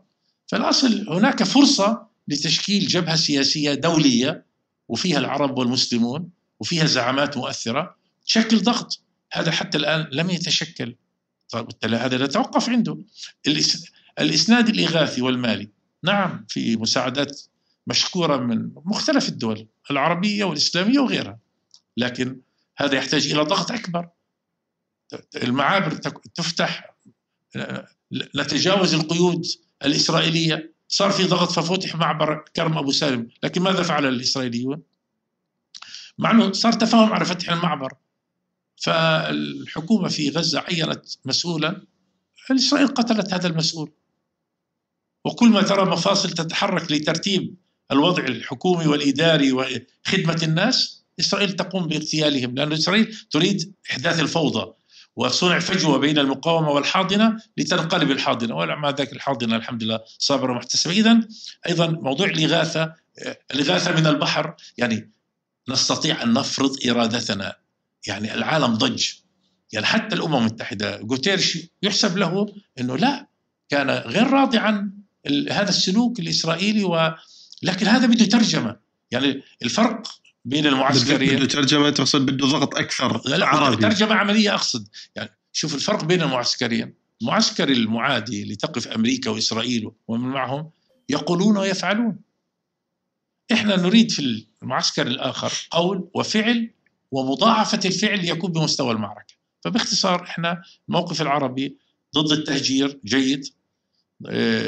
في رفض العدوان وضرورة وقفه في موضوع الإغاثة في هذه المواقف مطلوب تطويرها وأن يكون رصيدها العملي قوي ليشكل توازنا يؤدي في الأخير وبسرعة إلى وقف هذا العدوان. وغزة اليوم تحتاج إلى قبل الإعمار بعد أن تنتهي الحرب إن شاء الله أكيد سيكون مشروع الإعمار لكن الآن محتاج إيواء إغاثة طبية إخراج الجرحى. يعني حركة إخراج الجرحى من غزة بطيئة. اليوم يا أخي عمار الوضع في غزة كارثي بمعنى الكلمة. يعني تخيل أنت شوف ماذا فعل إسرائيل. دخلوا على مستشفى الشفاء. الخدج شفت كيف الخدج؟ الأطفال مساكين. ما ذنبهم؟ اللي عندهم كانوا يغسلون الكلى. الأطفال الشيوخ اللي خرجوا محمولين لما يعني أخرجوهم على الحواجز. فحركة الجراحة كما قلنا للخارج محدودة. مرض السرطان. اليوم مع هذا الشتاء فيش موضوع الخيم أو الامان يعني مقرات ليأوي إليها الناس داخل غزة. يعني مطلوب حركة إنسانية هائلة على كل الجبهات للتخفيف عن غزة.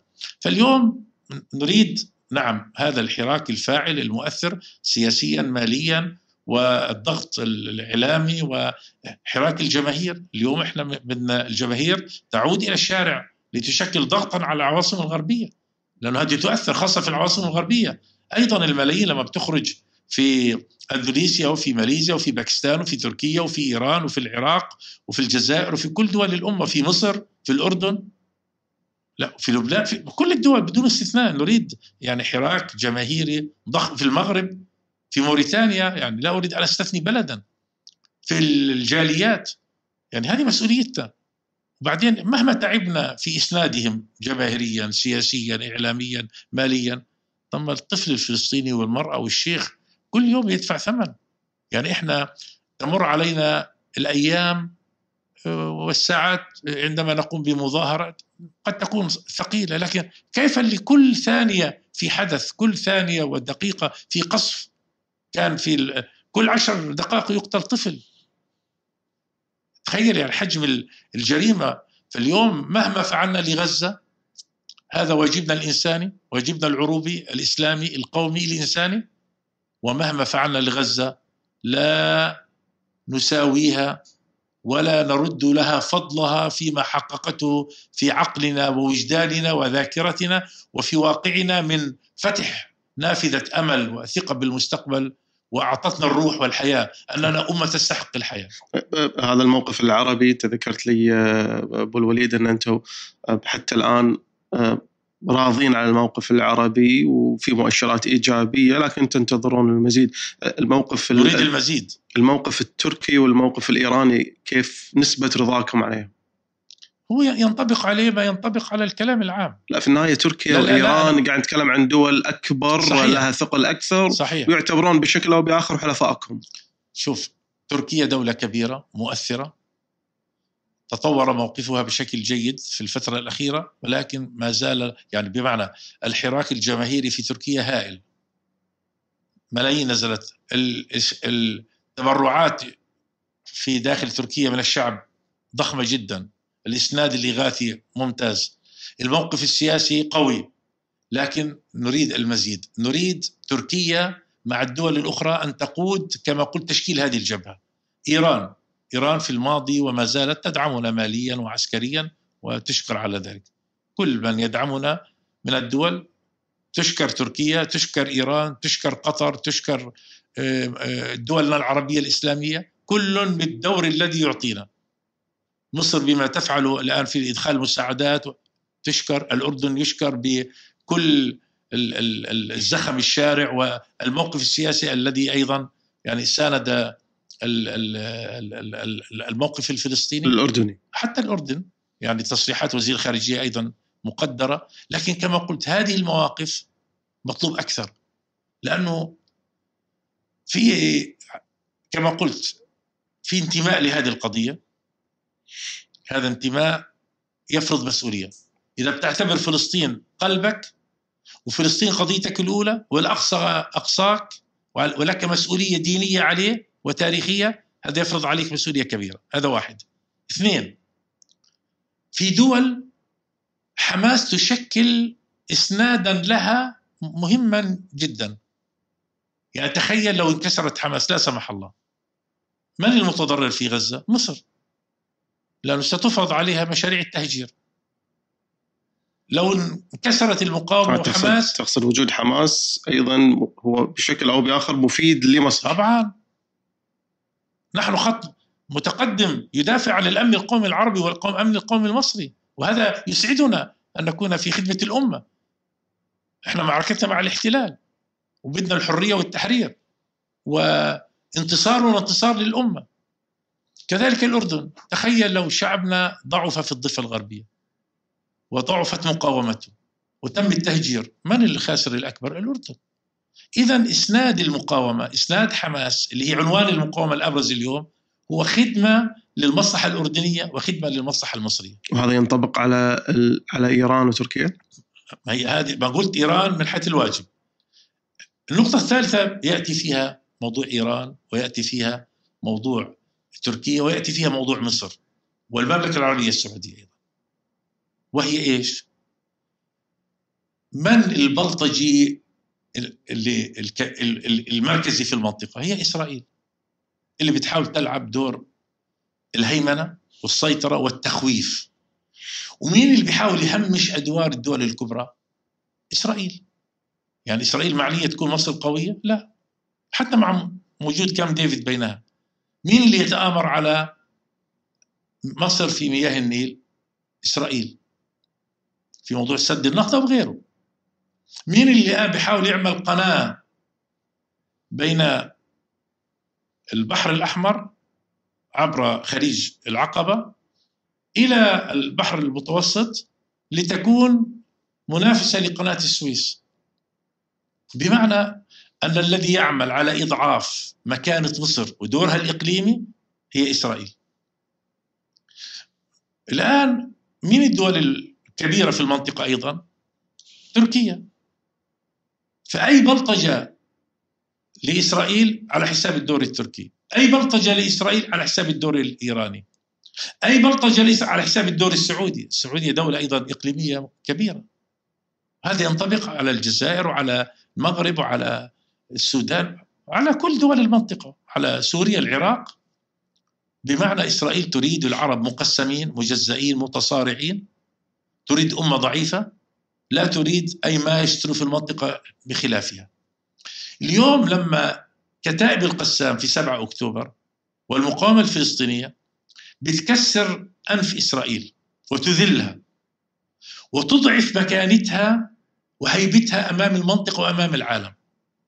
وتفقدها الرمزيات اللي كانت تتفخر بها الجيش والموساد والاستخبارات والمركافة وسلاحها من المستفيد يا أخي عمار؟ أليست الدول أليس المستفيد اللاعبون الكبار في المنطقة؟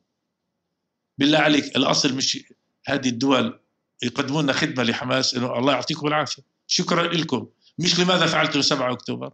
ما حدش طرح على السؤال. بس أنا أقول أو أو أو الاكتفاء بأدوار جزئية محدودة. أنا أقول لكم والله لو لم تكن حماس والمقاومة الفلسطينية لكان على العرب والمسلمين أن يوجدوا مقاومة في فلسطين. ما هو إذا أنت يعني في أصبحت هناك يعني عقلية للأسف استراتيجية عند الدول العربية إنه السلام خيرنا الاستراتيجي وبالتالي تخلوا عن خيار الحرب لأنه بيعتبروا ميزان القوى مش مصالحهم. ما يعني الجيوش العربية مش قادرة تخوض معركة مع الكيان الصهيوني. طيب. مع إنه هذا خطأ. لأنه أنت إذا أنت اليوم ضعيف تستطيع أن تكون قوي. تقدر تكون تسخر جزء كبير من مقدراتك لتبني جيشا قويا تتفوق على إسرائيل. طب إذا أنت لا تفعل هذا مصلحتك أن تشاغب على إسرائيل أن تشغلها أن تستنزفها من خلال شعب مستعد لذلك. طبعا ومش هم اللي حيطلبوا منا. إحنا اوريدي شغالين. يعني الشعب الفلسطيني يمارس. إحنا مش تحت الطلب. إحنا شعب مقاتل من 100 عام. هذه قضيتي. استفيد من أدائي. وادعمني. زي ما بتعمل الدول الكبرى. روسيا كانت تدعم. الصين. كل واحد بيلعب أدوار. يعني شوف الصين كيف تدير علاقتها مع كوريا الشمالية. بذكاء. روسيا تفعل. أمريكا تفعل. في يعني اللي هي بيسموها الإدارة عن طريق الآخرين. أنا ما حد بيديرني أنا قراري فلسطيني مستقل. أنا لست لعب بيد أحد. بس استفيد من وجودي. لكن استفد مني. أعطيك قصة أخ عمار. أظن في 2007 أظن في 2007 2008 لا أتذكر بالضبط كنت في القاهرة. والتقينا بالأمين العام للجامعة العربية الأستاذ عمر موسى. صديقنا هو وكنا معتادين كل ما نذهب نلتقي به.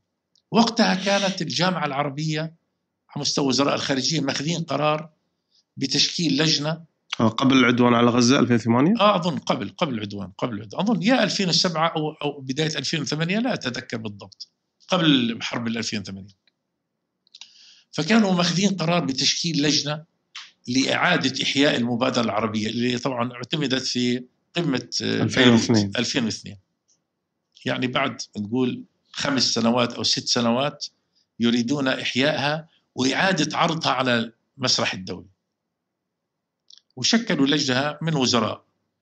أتذكر أظن الأمير فيصل الله يرحمه ووزير خارجيه الأردن آه، جودة وربما الامين العام معهم عمرو لا أتذكر يعني. فأنا قلت يا أخ أبو حازم معالي الامين العام أسألك سؤال صريح. طيب okay. ما أنتم أطلقتوها في 2002 إسرائيل أماتتها وأمريكا تجاهلتها ولم تحترم هذه المبادرة من العرب.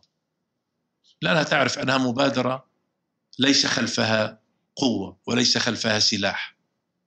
والمبادرات السياسية إذا لم تكن مسنودة إلى انفتاح الخيارات عند أصحابها لا تحترم. أنا واحد يجي لي بخيار السلام وهو لا يحسن إلا أن يصنع السلام أو يحسن أن يقدم عرض السلام ولا يملك الخيار الآخر. لماذا أحترمه؟ فقلت له مع ذلك أنت اليوم بعد خمس ست سنوات تريدون ترويجها إعادة تسويقها على المسرح الإقليمي والدولي. لا بأس. مع أنه, أنه ستصلون إلى طريق مسدود. لكن أنا عندي سؤال. كم من الوقت تحتاجون لاختبار هذا العرض الجديد. اختبروه أمريكيا وإسرائيليا وعند العواصم مسألة إعادة طرح المبادرة. بمعنى يعني حتى تتأكد أنه في قبول لها ولا فيش. إلها فرصة ولا ما فرصة. كم تريدوا؟ ستة أشهر؟ سنة؟ سنتين؟ بس بشرط. مستعدين نعطي فرصة ورغم عدم يقيننا بأنها ستنجح. لأن وعندنا ملاحظات عليها طبعا. لكن من باب إن إحنا بدنا نساعد العرب بس حتى نختبر خياراتنا. لكن بشرط يا أبو حازم بعد هذه فترة الاختبار ستة أشهر سنة أكثر سنتين نيجي تقوم كعرب تقولوا يا جماعة والله إحنا معذورين. قدمنا المبادرة العربية وأخذنا وقتا كافيا لاختبار خيار السلام. وآن لنا أن نبحث عن خيار آخر كيف ننتزع حقوقنا في فلسطين. إيش قال لك؟ عندكم استعداد؟ فابتسم الأمين العام عمر موسى وعرفت من ابتسامته إنه الجواب واضح. أكبر خطأ ترتكب أي أمة حين تتخلى عن خيار القوة وتعرض للعالمين خيارا وحيدا. وإلا على الدول أن تلغي وزارة الدفاع من بلادها. يعني إذا كانت وزارة الخارجية تكفي لتحقيق يعني مصالح الدول بلاش وزارة الدفاع. لكن دائما كل أهم وزارتين في أي دولة وزارة الدفاع ووزارة الخارجية. وبدون القوة لا أنت لا تستطيع في عالم من متوحش أن تحقق أهدافك. طيب. فهذا مؤشر على مسألة كيف نتعامل مع الأمة. بعدين الأمة يا أخ عمار معلش يعني إحنا بنروح للبعد الرسمي. طب ما في بعد شعبي. والأمة في شعبيا فيها خير بل حتى على مستوى النخب بل حتى على مستوى الكفاءات. يعني شوف لما يطلع لك شاب اسمه الزواري تونسي. هذا شاب تونسي. عقل مبدع كان ممكن يشتغل في شركة ويبحث عن عيشه ورزقه لكن اختار أن يؤدي رسالته في فلسطين. لأنه عارف شو انتمائه إلى هذه القضية.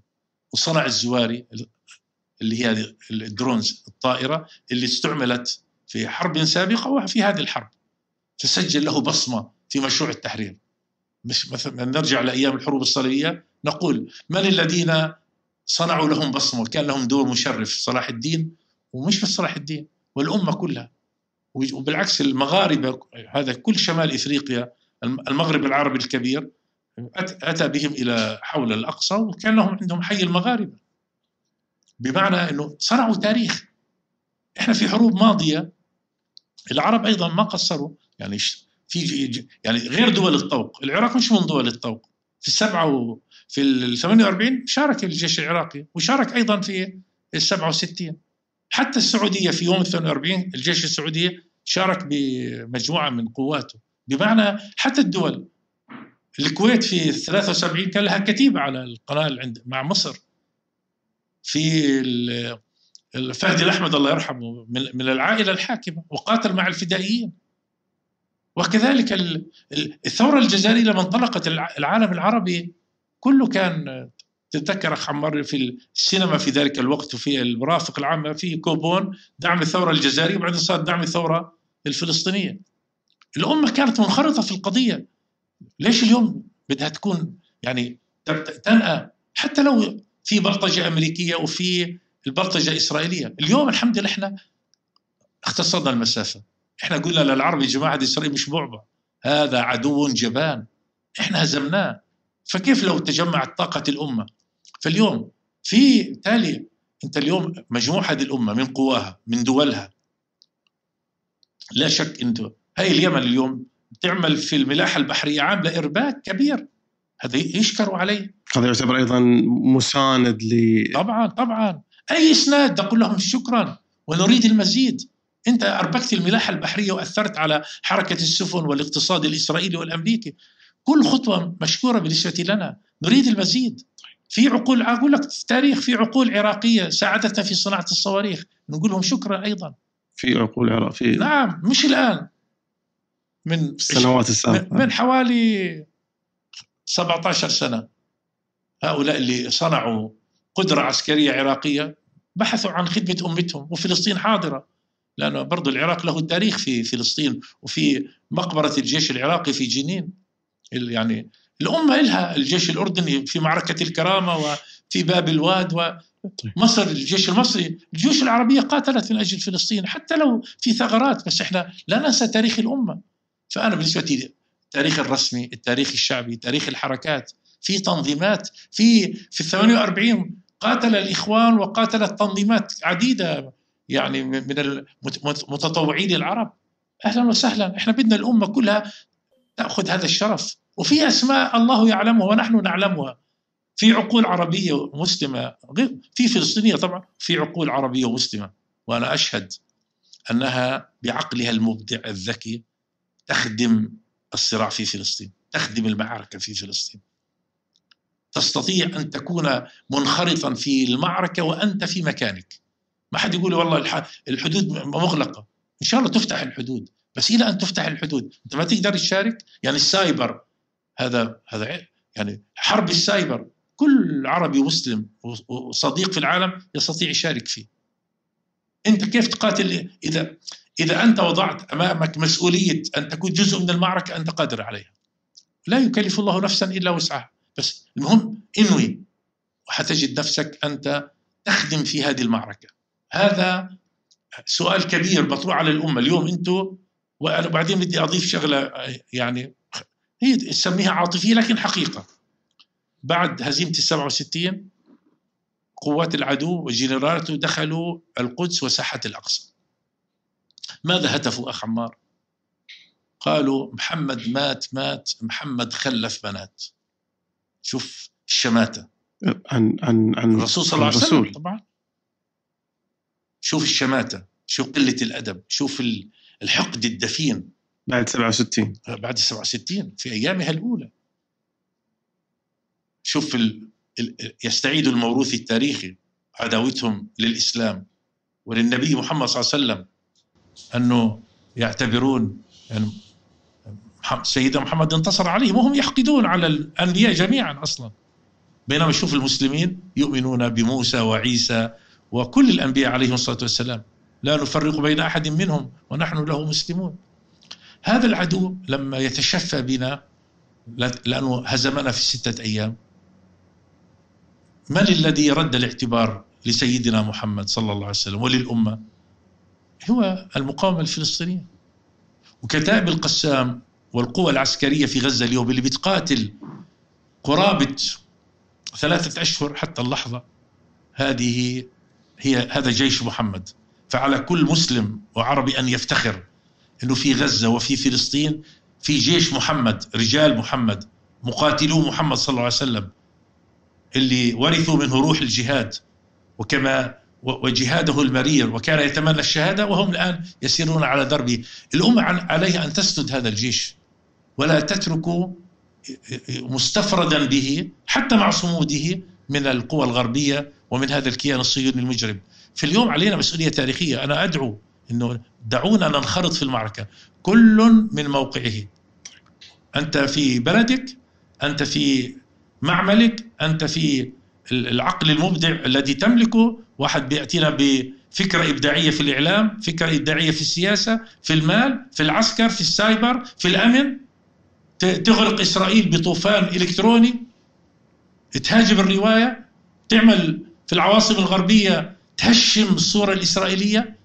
اللي, اللي عندك خبرة قانونية كيف أنه هذه المعركة مش لازم تنتهي قبل أن نلاحق المجرمين هؤلاء في محكمة الجنايات الكبرى ونلاحقهم بالقانون الدولي. هؤلاء مجرمو حرب. وبس آه، آه، جماعة هتلر والنازيون ظلت إسرائيل تلاحقهم. حتى جابت آخر واحد أظن من الأرجنتين آيخمان ويعني خطفوه واتوا به إلى الكيان الصهيوني وأعدموه. هؤلاء المجرمون من نتنياهو جرم. هؤلاء ينبغي أن يلاحقوا ان يتم محاكمتهم في كل المحافل الدولية وأن يحكم عليهم بالموت. هؤلاء يستحقون الموت. بما أن البرنامج مسجل وحتى يتم عرضه آه، بكل تأكيد وبما أن المعركة والحرب لا زالت دائرة في تفاصيل أكيد تتغير آه، أحداث تتغير في في كل دقيقة يمكن على الميدان. لكن إذا بشكل عام نبي نتكلم عن عن عن رؤيتكم لما آه، لسير المعركة لما بعد انتهاء المعركة إن شاء الله. رؤيتكم في حماس لغزة بعد المعركة. تمام.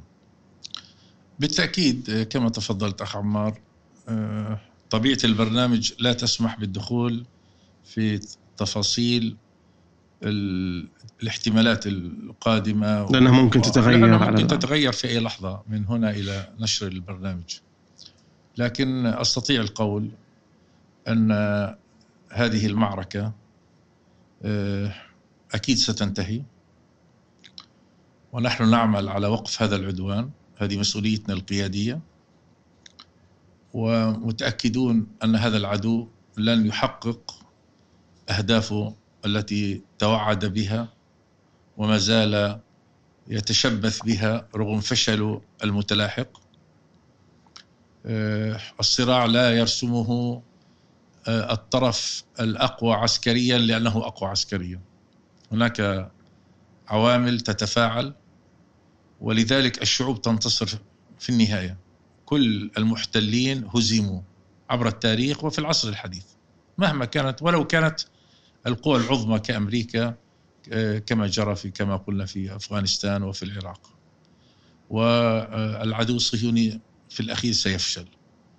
والوقت دائما يعمل لصالح الشعوب ولصالح المقاومة ذات الطبيعة الشعبية سريعة الحركة.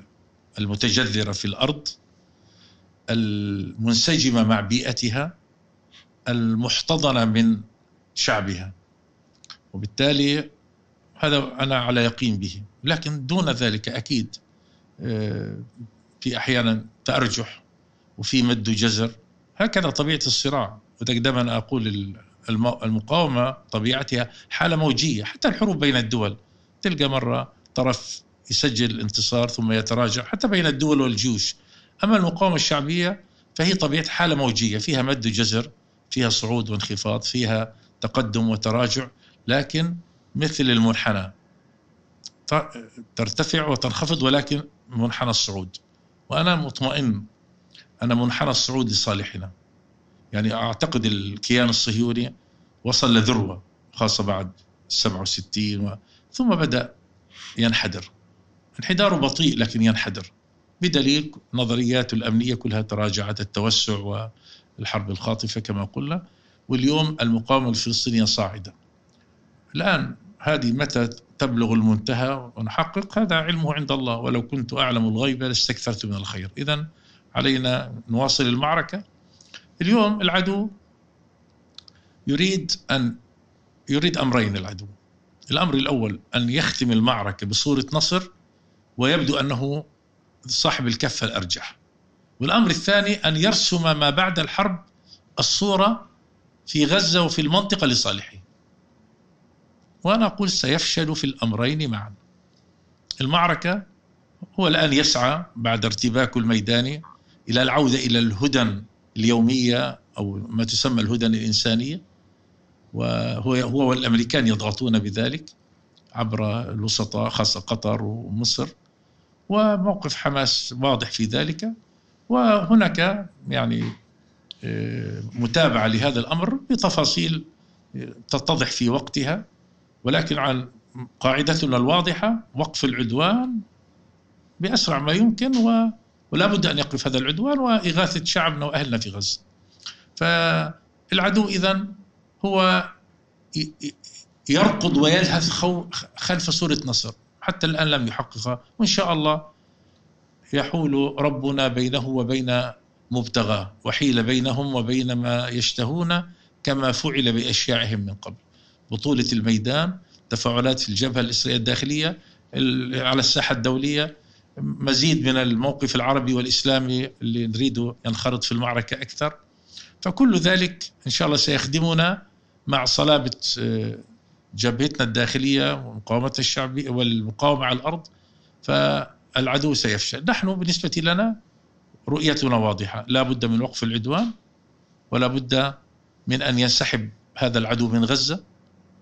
ولا بد أن آه، نبذل كل جهودنا على الساحة العربية والإسلامية والدولية لإيواء أهلنا في غزة ولملمة ظروفهم ولأم جراحهم ومواساتهم وإيوائهم وتمهيدا لأن تعود الحياة الطبيعية ومعالجة الجرحى. هذا هذه هذه حاضنة عظيمة صنعت ملحمة للعالم كله وللأمة فتستحق.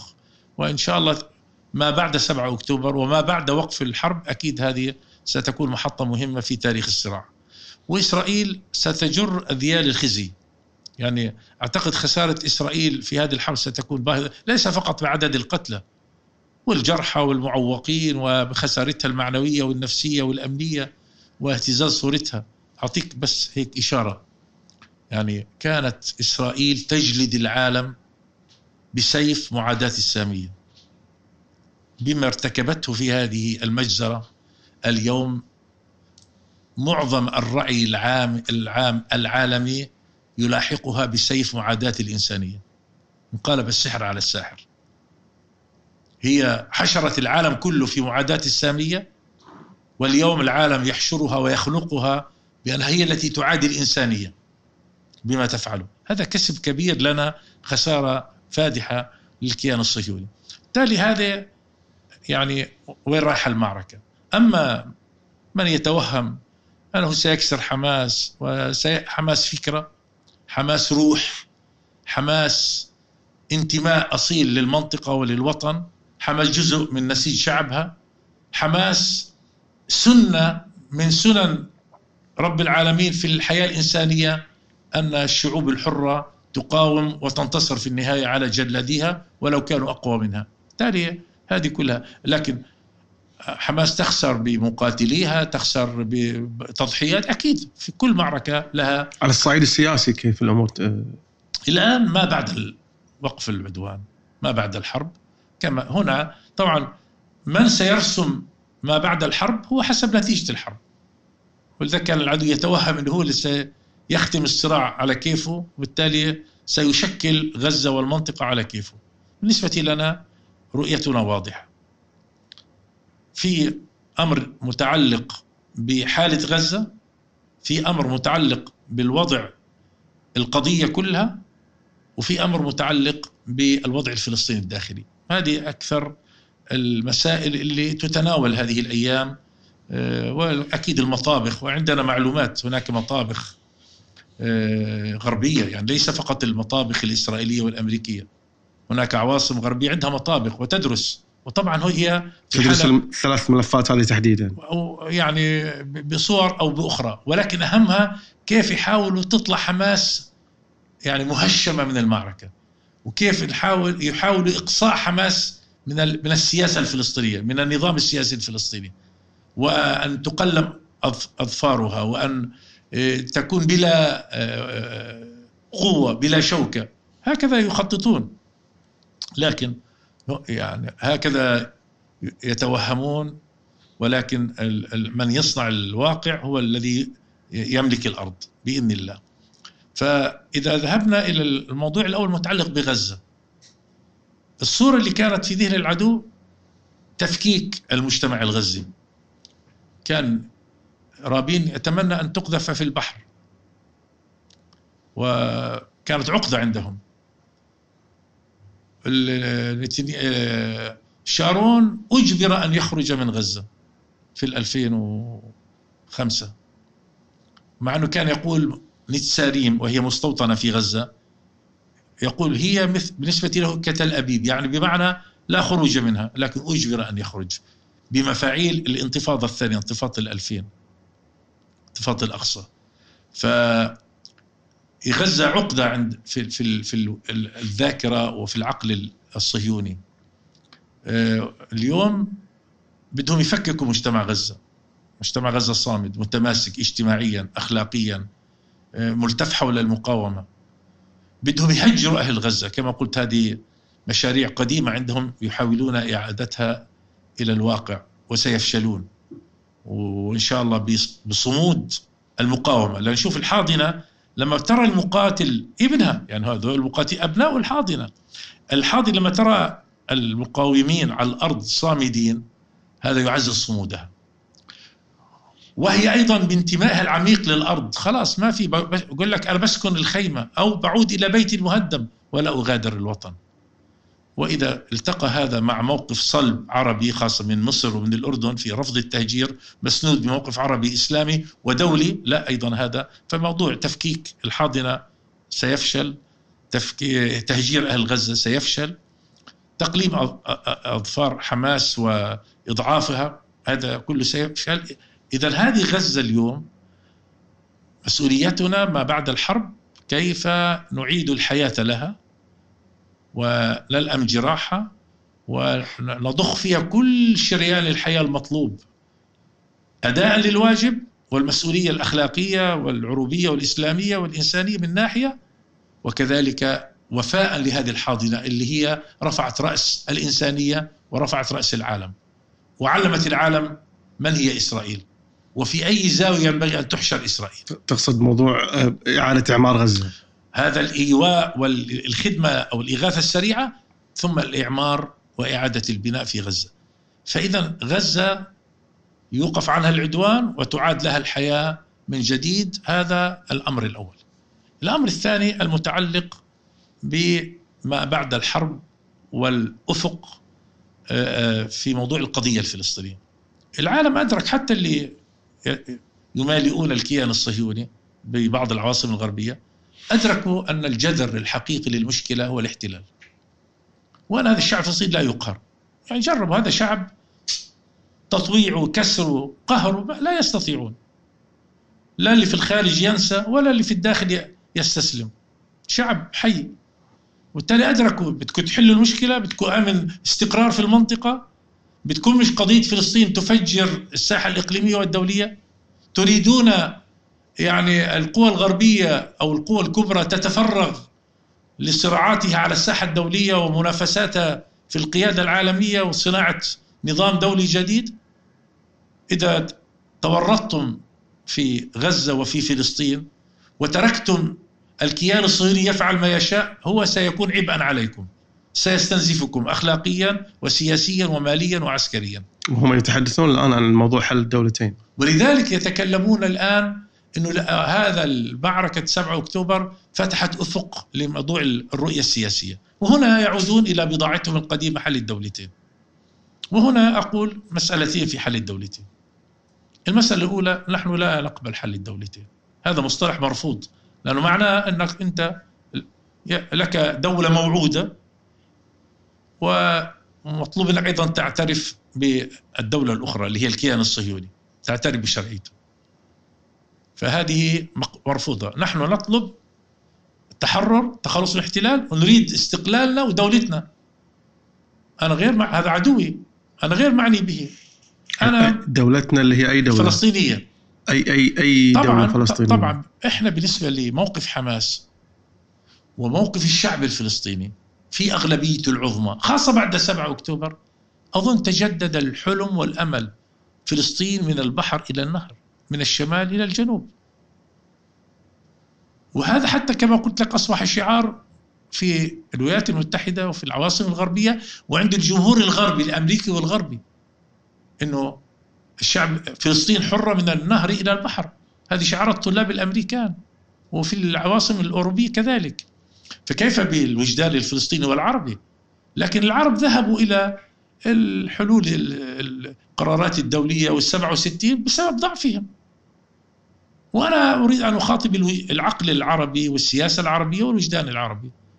كما أن مصر تمسكت بكل سيناء بعد حرب 73 ولم تقبل التنازل عن شبر من سيناء حتى لو في بعض القيود. ولبنان تتمسك بكل أرض لبنانية بما فيها مزار شبع. سوريا تتمسك بكل شبر من الجولان. والأردن أيضا في وادي عربة كان له حقوق تمسك بها لماذا الفلسطيني عليه أن يقبل خمس فلسطين ويصبح هذا هو الحل النهائي؟ خمس فلسطين أقصد فيها حدود 67 طب هي حدود 67 21% عمليا. خمس فلسطين. فلذلك لا الرؤية الحمس... فالآن قاعد تقول لي أبو الوليد إنه بعد 7 أكتوبر إحنا حتى حدود 67 مش قابلين فيها إحنا لا نبي لا. فلسطين من لا البحر لا للنهر الصورة أخي عمر على النحو التالي. مشروعنا الفلسطيني اللي عليه شبه إجماع وطني فلسطيني حتى اللي عنده رأي مضطرا يقوله بسبب مقتضيات السياسة لكن الإجماع الفلسطيني أو شبه الإجماع الفلسطيني حقنا في فلسطين لا تراجع عنه من البحر إلى النهر ومن رأس الناقورة إلى أم الرشراش أو خليج العقبة. هذا حقنا الفلسطيني ووجودنا حديث وقديم. والكيان طارئ علينا منذ 48 الكيان الصهيوني. لكن حماس والقوى الفلسطينية من مبكرة. وإحنا كما قلنا وثقنا هذا في وثيقة 2017 الوثيقة السياسية إنه حماس لتشكيل أرضية لقاء مشترك برنامج وطني مشترك مع القوى الفلسطينية ومع الموقف العربي نقبل دولة على حدود عام 67 عاصمتها القدس وباستقلالية كاملة ومع حق العودة دون الاعتراف بشرعية الكيان الصهيوني. هذا كموقف لتسهيل التوافق الفلسطيني والتوافق العربي في هذه المرحلة. لكن دون التخلي عن أي جزء من حقنا أو من أرضنا ودون الاعتراف بإسرائيل. أما الرؤية ما زالت كما هي. وأعتقد أن 7 أكتوبر يعني عمقت هذه القناعة واختصرت المسافات وجعلت فكرة تحرير فلسطين من البحر إلى النهر فكرة واقعية وبدأت وليست شيئا يرتقب أو مأمول بل هي جزء من الخطة ومن الأجندة ونحن نقف على أعتابها بإذن الله تعالى. إذا هذا و إذا هذه المسألة الأولى أنا قلت. المسألة الثانية في موضوع رؤية حل الدولتين اللي بيطرحوه بعض العواصم الغربية. إنه يطرحونه بدون مفاعيل تفرض على إسرائيل أن أن تلتزم به. يعني هو مجرد وعود. ده على فكرة في كل الحروب. وهذا منزلق إحنا منتبهون له. كل ما تصير أزمة يعني شوف بعد حرب الخليج الأولى في التسعين 91 لما صار تحرير الكويت والاحتشاد الدولي في ذلك الوقت حتى أمريكا تسترضي دول العربي شو قالت؟ آه والله إحنا نرفض أي احتلال وبالتالي آه، نعود. وهنا جاءت مدريد في ال 91 مؤتمر مدريد. كنوع من الإرضاء الغربي للعرب إنه تعال آه بدنا نحل قضية فلسطين. مدريد من 91 مضى له كم؟ يعني 32 سنة والنتيجة صفر كبير. ولما راحوا على أوسلو على الاتفاقيات أيضا نتيجة. بمعنى أن الغرب قد يجاملنا ببعض الشعارات والأطروحات السياسية ولكن يتركنا في العراء لأنه نحن لا نملك الضغط عليه وعلى الإسرائيليين حتى نحقق لأنه أنا دائما عندي مقولة أخي عمار إذا كانت الحرب تحتاج إلى ميزان قوى فالسلام يحتاج إلى ميزان قوى.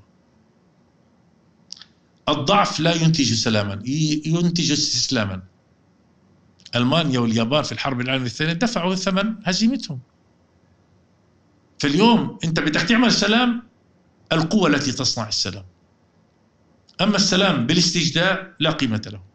وهذا تجربتنا العربية والفلسطينية. بالتالي يعني مش كثير يعني مسرورين إنه العالم يقول لك نعود إلى حل الدولتين. نعم القضية الفلسطينية فرضناها على الأجندة الدولية صحيح. وغيرنا المزاج العالمي هذا صحيح. لكن حتى أحقق حلم الاستقلال والتخلص من الاحتلال وإقامة الدولة الفلسطينية هذا يحتاج إلى جهدنا إلى مزيد من المقاومة ومن النضال والتضامن العربي. هذه النقطة الثانية. النقطة الثالثة فيما بعد الحرب هو الوضع الفلسطيني الداخلي. وهذا أيضا أمريكا وبعض العواصم الغربية تريد أن وإسرائيل طبعا معها تريد هي التي تتحكم في صناعة الحياة السياسية الفلسطينية. تتحكم السلطة شو وظائفها؟ هذا اتفاق أوسلو. فرضت عليه فرضت على السلطة في أوسلو استحقاقات سياسية وأمنية وكذلك اقتصادية في النسخة من أوسلو اللي هي اتفاق باريس. وبالتالي أنت ثم عندما مثلا أتى جاء الانقسام في شروط الرباعية الدولية حطت شروط. يا سلام! طب هذا الانقسام الفلسطيني وإعادة الوحدة الوطنية هذا شأن فلسطيني. لماذا تضعون شروطا خارجية؟